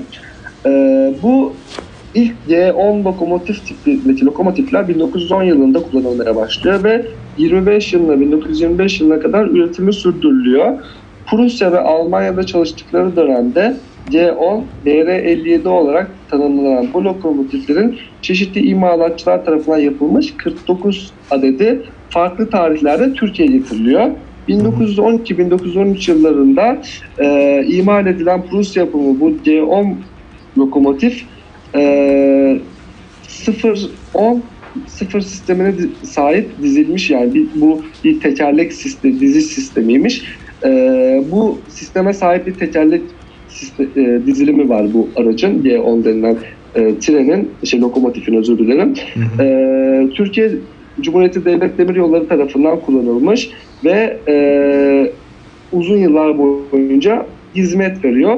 Bu lokomotifi de e, fiziksel olarak betimlersem aslında e, bildiğimiz tramvay renginin e, işte tramvay rengi de böyle kırmızı ve siyah renklerden oluşan bir e, boyası varken bunun da siyah ve kırmızı yani aslında siyah tonların ağırlıklı olduğu gövdesinin e, böyle e, şey kısmının e, te- tekerleklerin oradaki çamurlu kısımlarına falan siyah böyle mat bir siyah renginde olduğunu kenarlarında ise böyle e, rayların tekerleklerin üstüne koyacak şekilde bir böyle e, nasıl söyleyeyim bir koruma olduğunu ve o korumanın ve trenin lokomotifin üstündeki belli kapakların kırmızı renkli olduğunu söylüyorum. Yani aslında siyah bir düz lokomotifin arasına kırmızı renkler katarak hareketlendirmeye çalışmışlar. Son derece bence Avrupa'ya bir görüntü görünümü var. Zaten e, Almanya ve Rusya'da kullanıldığı için büyük ihtimal.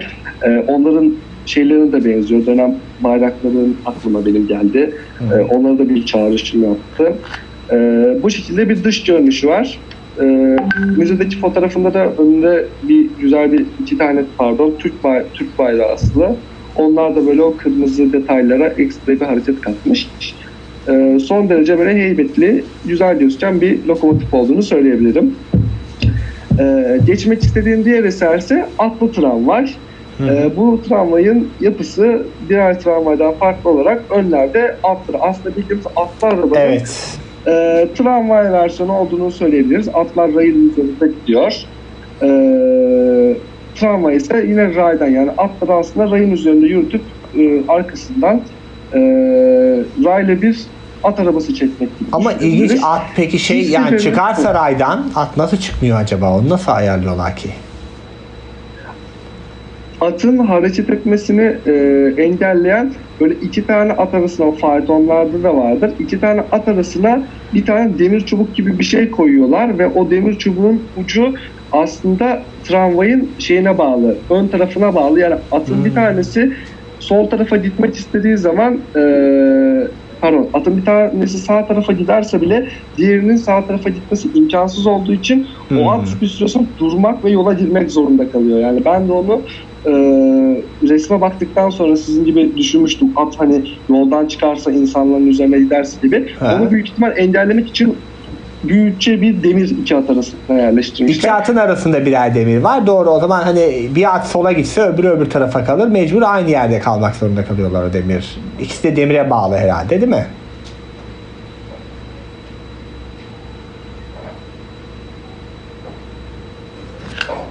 Hocam Ertay'ın interneti gitti sanırım düştü ama gelir şimdi diye düşünüyorum. Geldi şimdi geldi tekrar. Heh, Biraz mi? kesik kesikti zaten ama yine iyi idare ettik. Bayağı iyi gittik. Ertay duyuyor musun?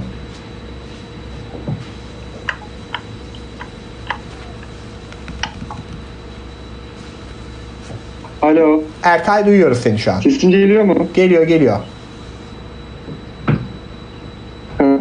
İnternet bağlantım düştü galiba. Yo, farkındayım. O atı konuşuyorduk. Tam aralarında bir demir var. Her ikisi de her iki at da o demire bağlı. O yüzden Hı hı. birbirlerini e, şey yaparak hareket edemiyorlar. Doğru mu anladım? Aynen öyle. Doğru. Atların yoldan çıkmasını engellemek için öyle bir sistem kurmuşlar. Ee, bu tramvay seferi de e, 3 Eylül 1872 tarihinde İstanbul'da Azap Kapı, şey pardon, Azap Kapı ve Ortaköy güzergahı arasında yapılıyor ilk defa. Ee, ve e, atlı tramvaylar yerlerinde 1914 yılında elektrikli elektrikli olanlara bırakılıyor bildiğimiz sistemli olanlara. Ve bu tramvay 14 nolu Beşiktaş Karaköy hattında hizmet veriyor aynı zamanda. Ee, önde iki tane atın çektiği bu beyaz e, yeşil küçük vagon arkasında ki tramvayı da betimlemek, vagonu betimlemek istersem alt tarafı e, yeşil tonlarında, üst tarafı beyaz tonlarında son derece e, aynı e, daha demin bahsettiğim Kadıköy Moda Tramvayı'ndaki olduğu gibi e, daha böyle e, nasıl söyleyeyim basit bir dış görünüme sahip. Ee, önde iki tane atın çektiği bu vagon Osmanlı dönemindeki orijinal haliyle gösterilmektedir. Yani müzede bir de restorasyona uğramadan birebir e, aynı kalmış e, vagonla e, müzeye koymuşlar. Ertay bir şey soracağım. Ee, Vagon kaç o kişiliktir sence?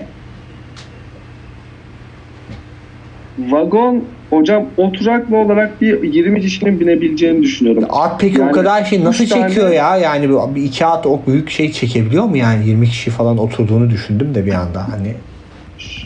Şöyle olduğunu düşünüyorum. İki tane at ve ray sistemi bildiğimiz e, tekerlek sisteminden e, daha hani sürtünmesi daha sabit bir yol ya normalde yolda Ha, yürüdüğümüz çok zaman daha hızlı defa yani. çekse Hı hı. e, rayın kendi kendine aynen ivmeyi aldıktan sonra aslında e, rayın e, rayda gitmek daha sürekli olduğu için daha kolay olduğunu düşünüyorum. Bir de iki tane at kullanılıyor. Bir tane at kullanılmıyor. Bu da bir detay. E, bahsettiğim gibi iki tane at çekiyor. Bu iki atın da gücünden dolayı ve Azap Kapı, Azap Kapı Ortaköy güzergahında. Bu iki güzergahı bilmiyorum ama Ortaköy'ün genellikle sağ ve sol tarafının düzlük olduğunu düşünürsek Evet, oradan gidilebilecek herhangi bir yolda e, ne demek ki atların karşılayabileceği şeydeymiş. Evet. 10 şey 10 tane çiftlik koltuk falan var bence tramvayda. Boyut olarak böyle bir tramvay. Anladım. Ee, bu şekilde e, benim son anlatacağım son koleksiyondaki son eser buydu. Ee, Hocam kısaca size bitti Fenerbahçe vapuru koleksiyonu ve Eminönü ulaşımından bahsettim. Aynen bitti. Arkadaşlar çok çok çok teşekkür ediyoruz. Gerçekten oldukça keyifliydi. Ee, yani şey müzenin de e, bu tabii ben Rahmi Koç Müzesi'ni hep duymuştuk ama bu kadar farklı çeşidin bir arada bulunduğu yani o kadar çok uçak var. E, iletişim araçları var, e, gemiler var, kentler var, tramvaylar var. Yani hakikaten çok değişik bir müze yapmışlar. Yeri nerede tam olarak müzenin onu da bir söyleyelim mi son olarak? Hocam Haskay diyordu ama gidişin gidiş şeklini falan da söylüyordu. Ben onu almadım sanırım metne bakabilirim. Evet belki yok o kadar şey değil E, ama e, bu müzeyi de belki bir başka şeylerde bu tür tabii müzelerin de arkadaşlar betimlenmesi bir tarafta bir taraftan da keşke bazı şeylere dokuna dokunabileceğimiz şeylerimiz olsa oralarda ilerlesek ama e, oldukça güzel bir anlatım oldu. Ben size hepinize geldiğiniz için e, çok çok çok teşekkür ediyorum arkadaşlar. Biz teşekkür ederiz. Biz de teşekkür ederiz hocam. Sağ olun. Teşekkür ederiz. O zaman yayınımız burada sona eriyor. E, kaydımızı da durduruyorum arkadaşlar. E, kendinize çok iyi bakın. Çok sağ olun arkadaşlar her şey için. hocam. Sağ olun hocam. Görüşmek üzere. Görüşürüz. Kendinize iyi bakın.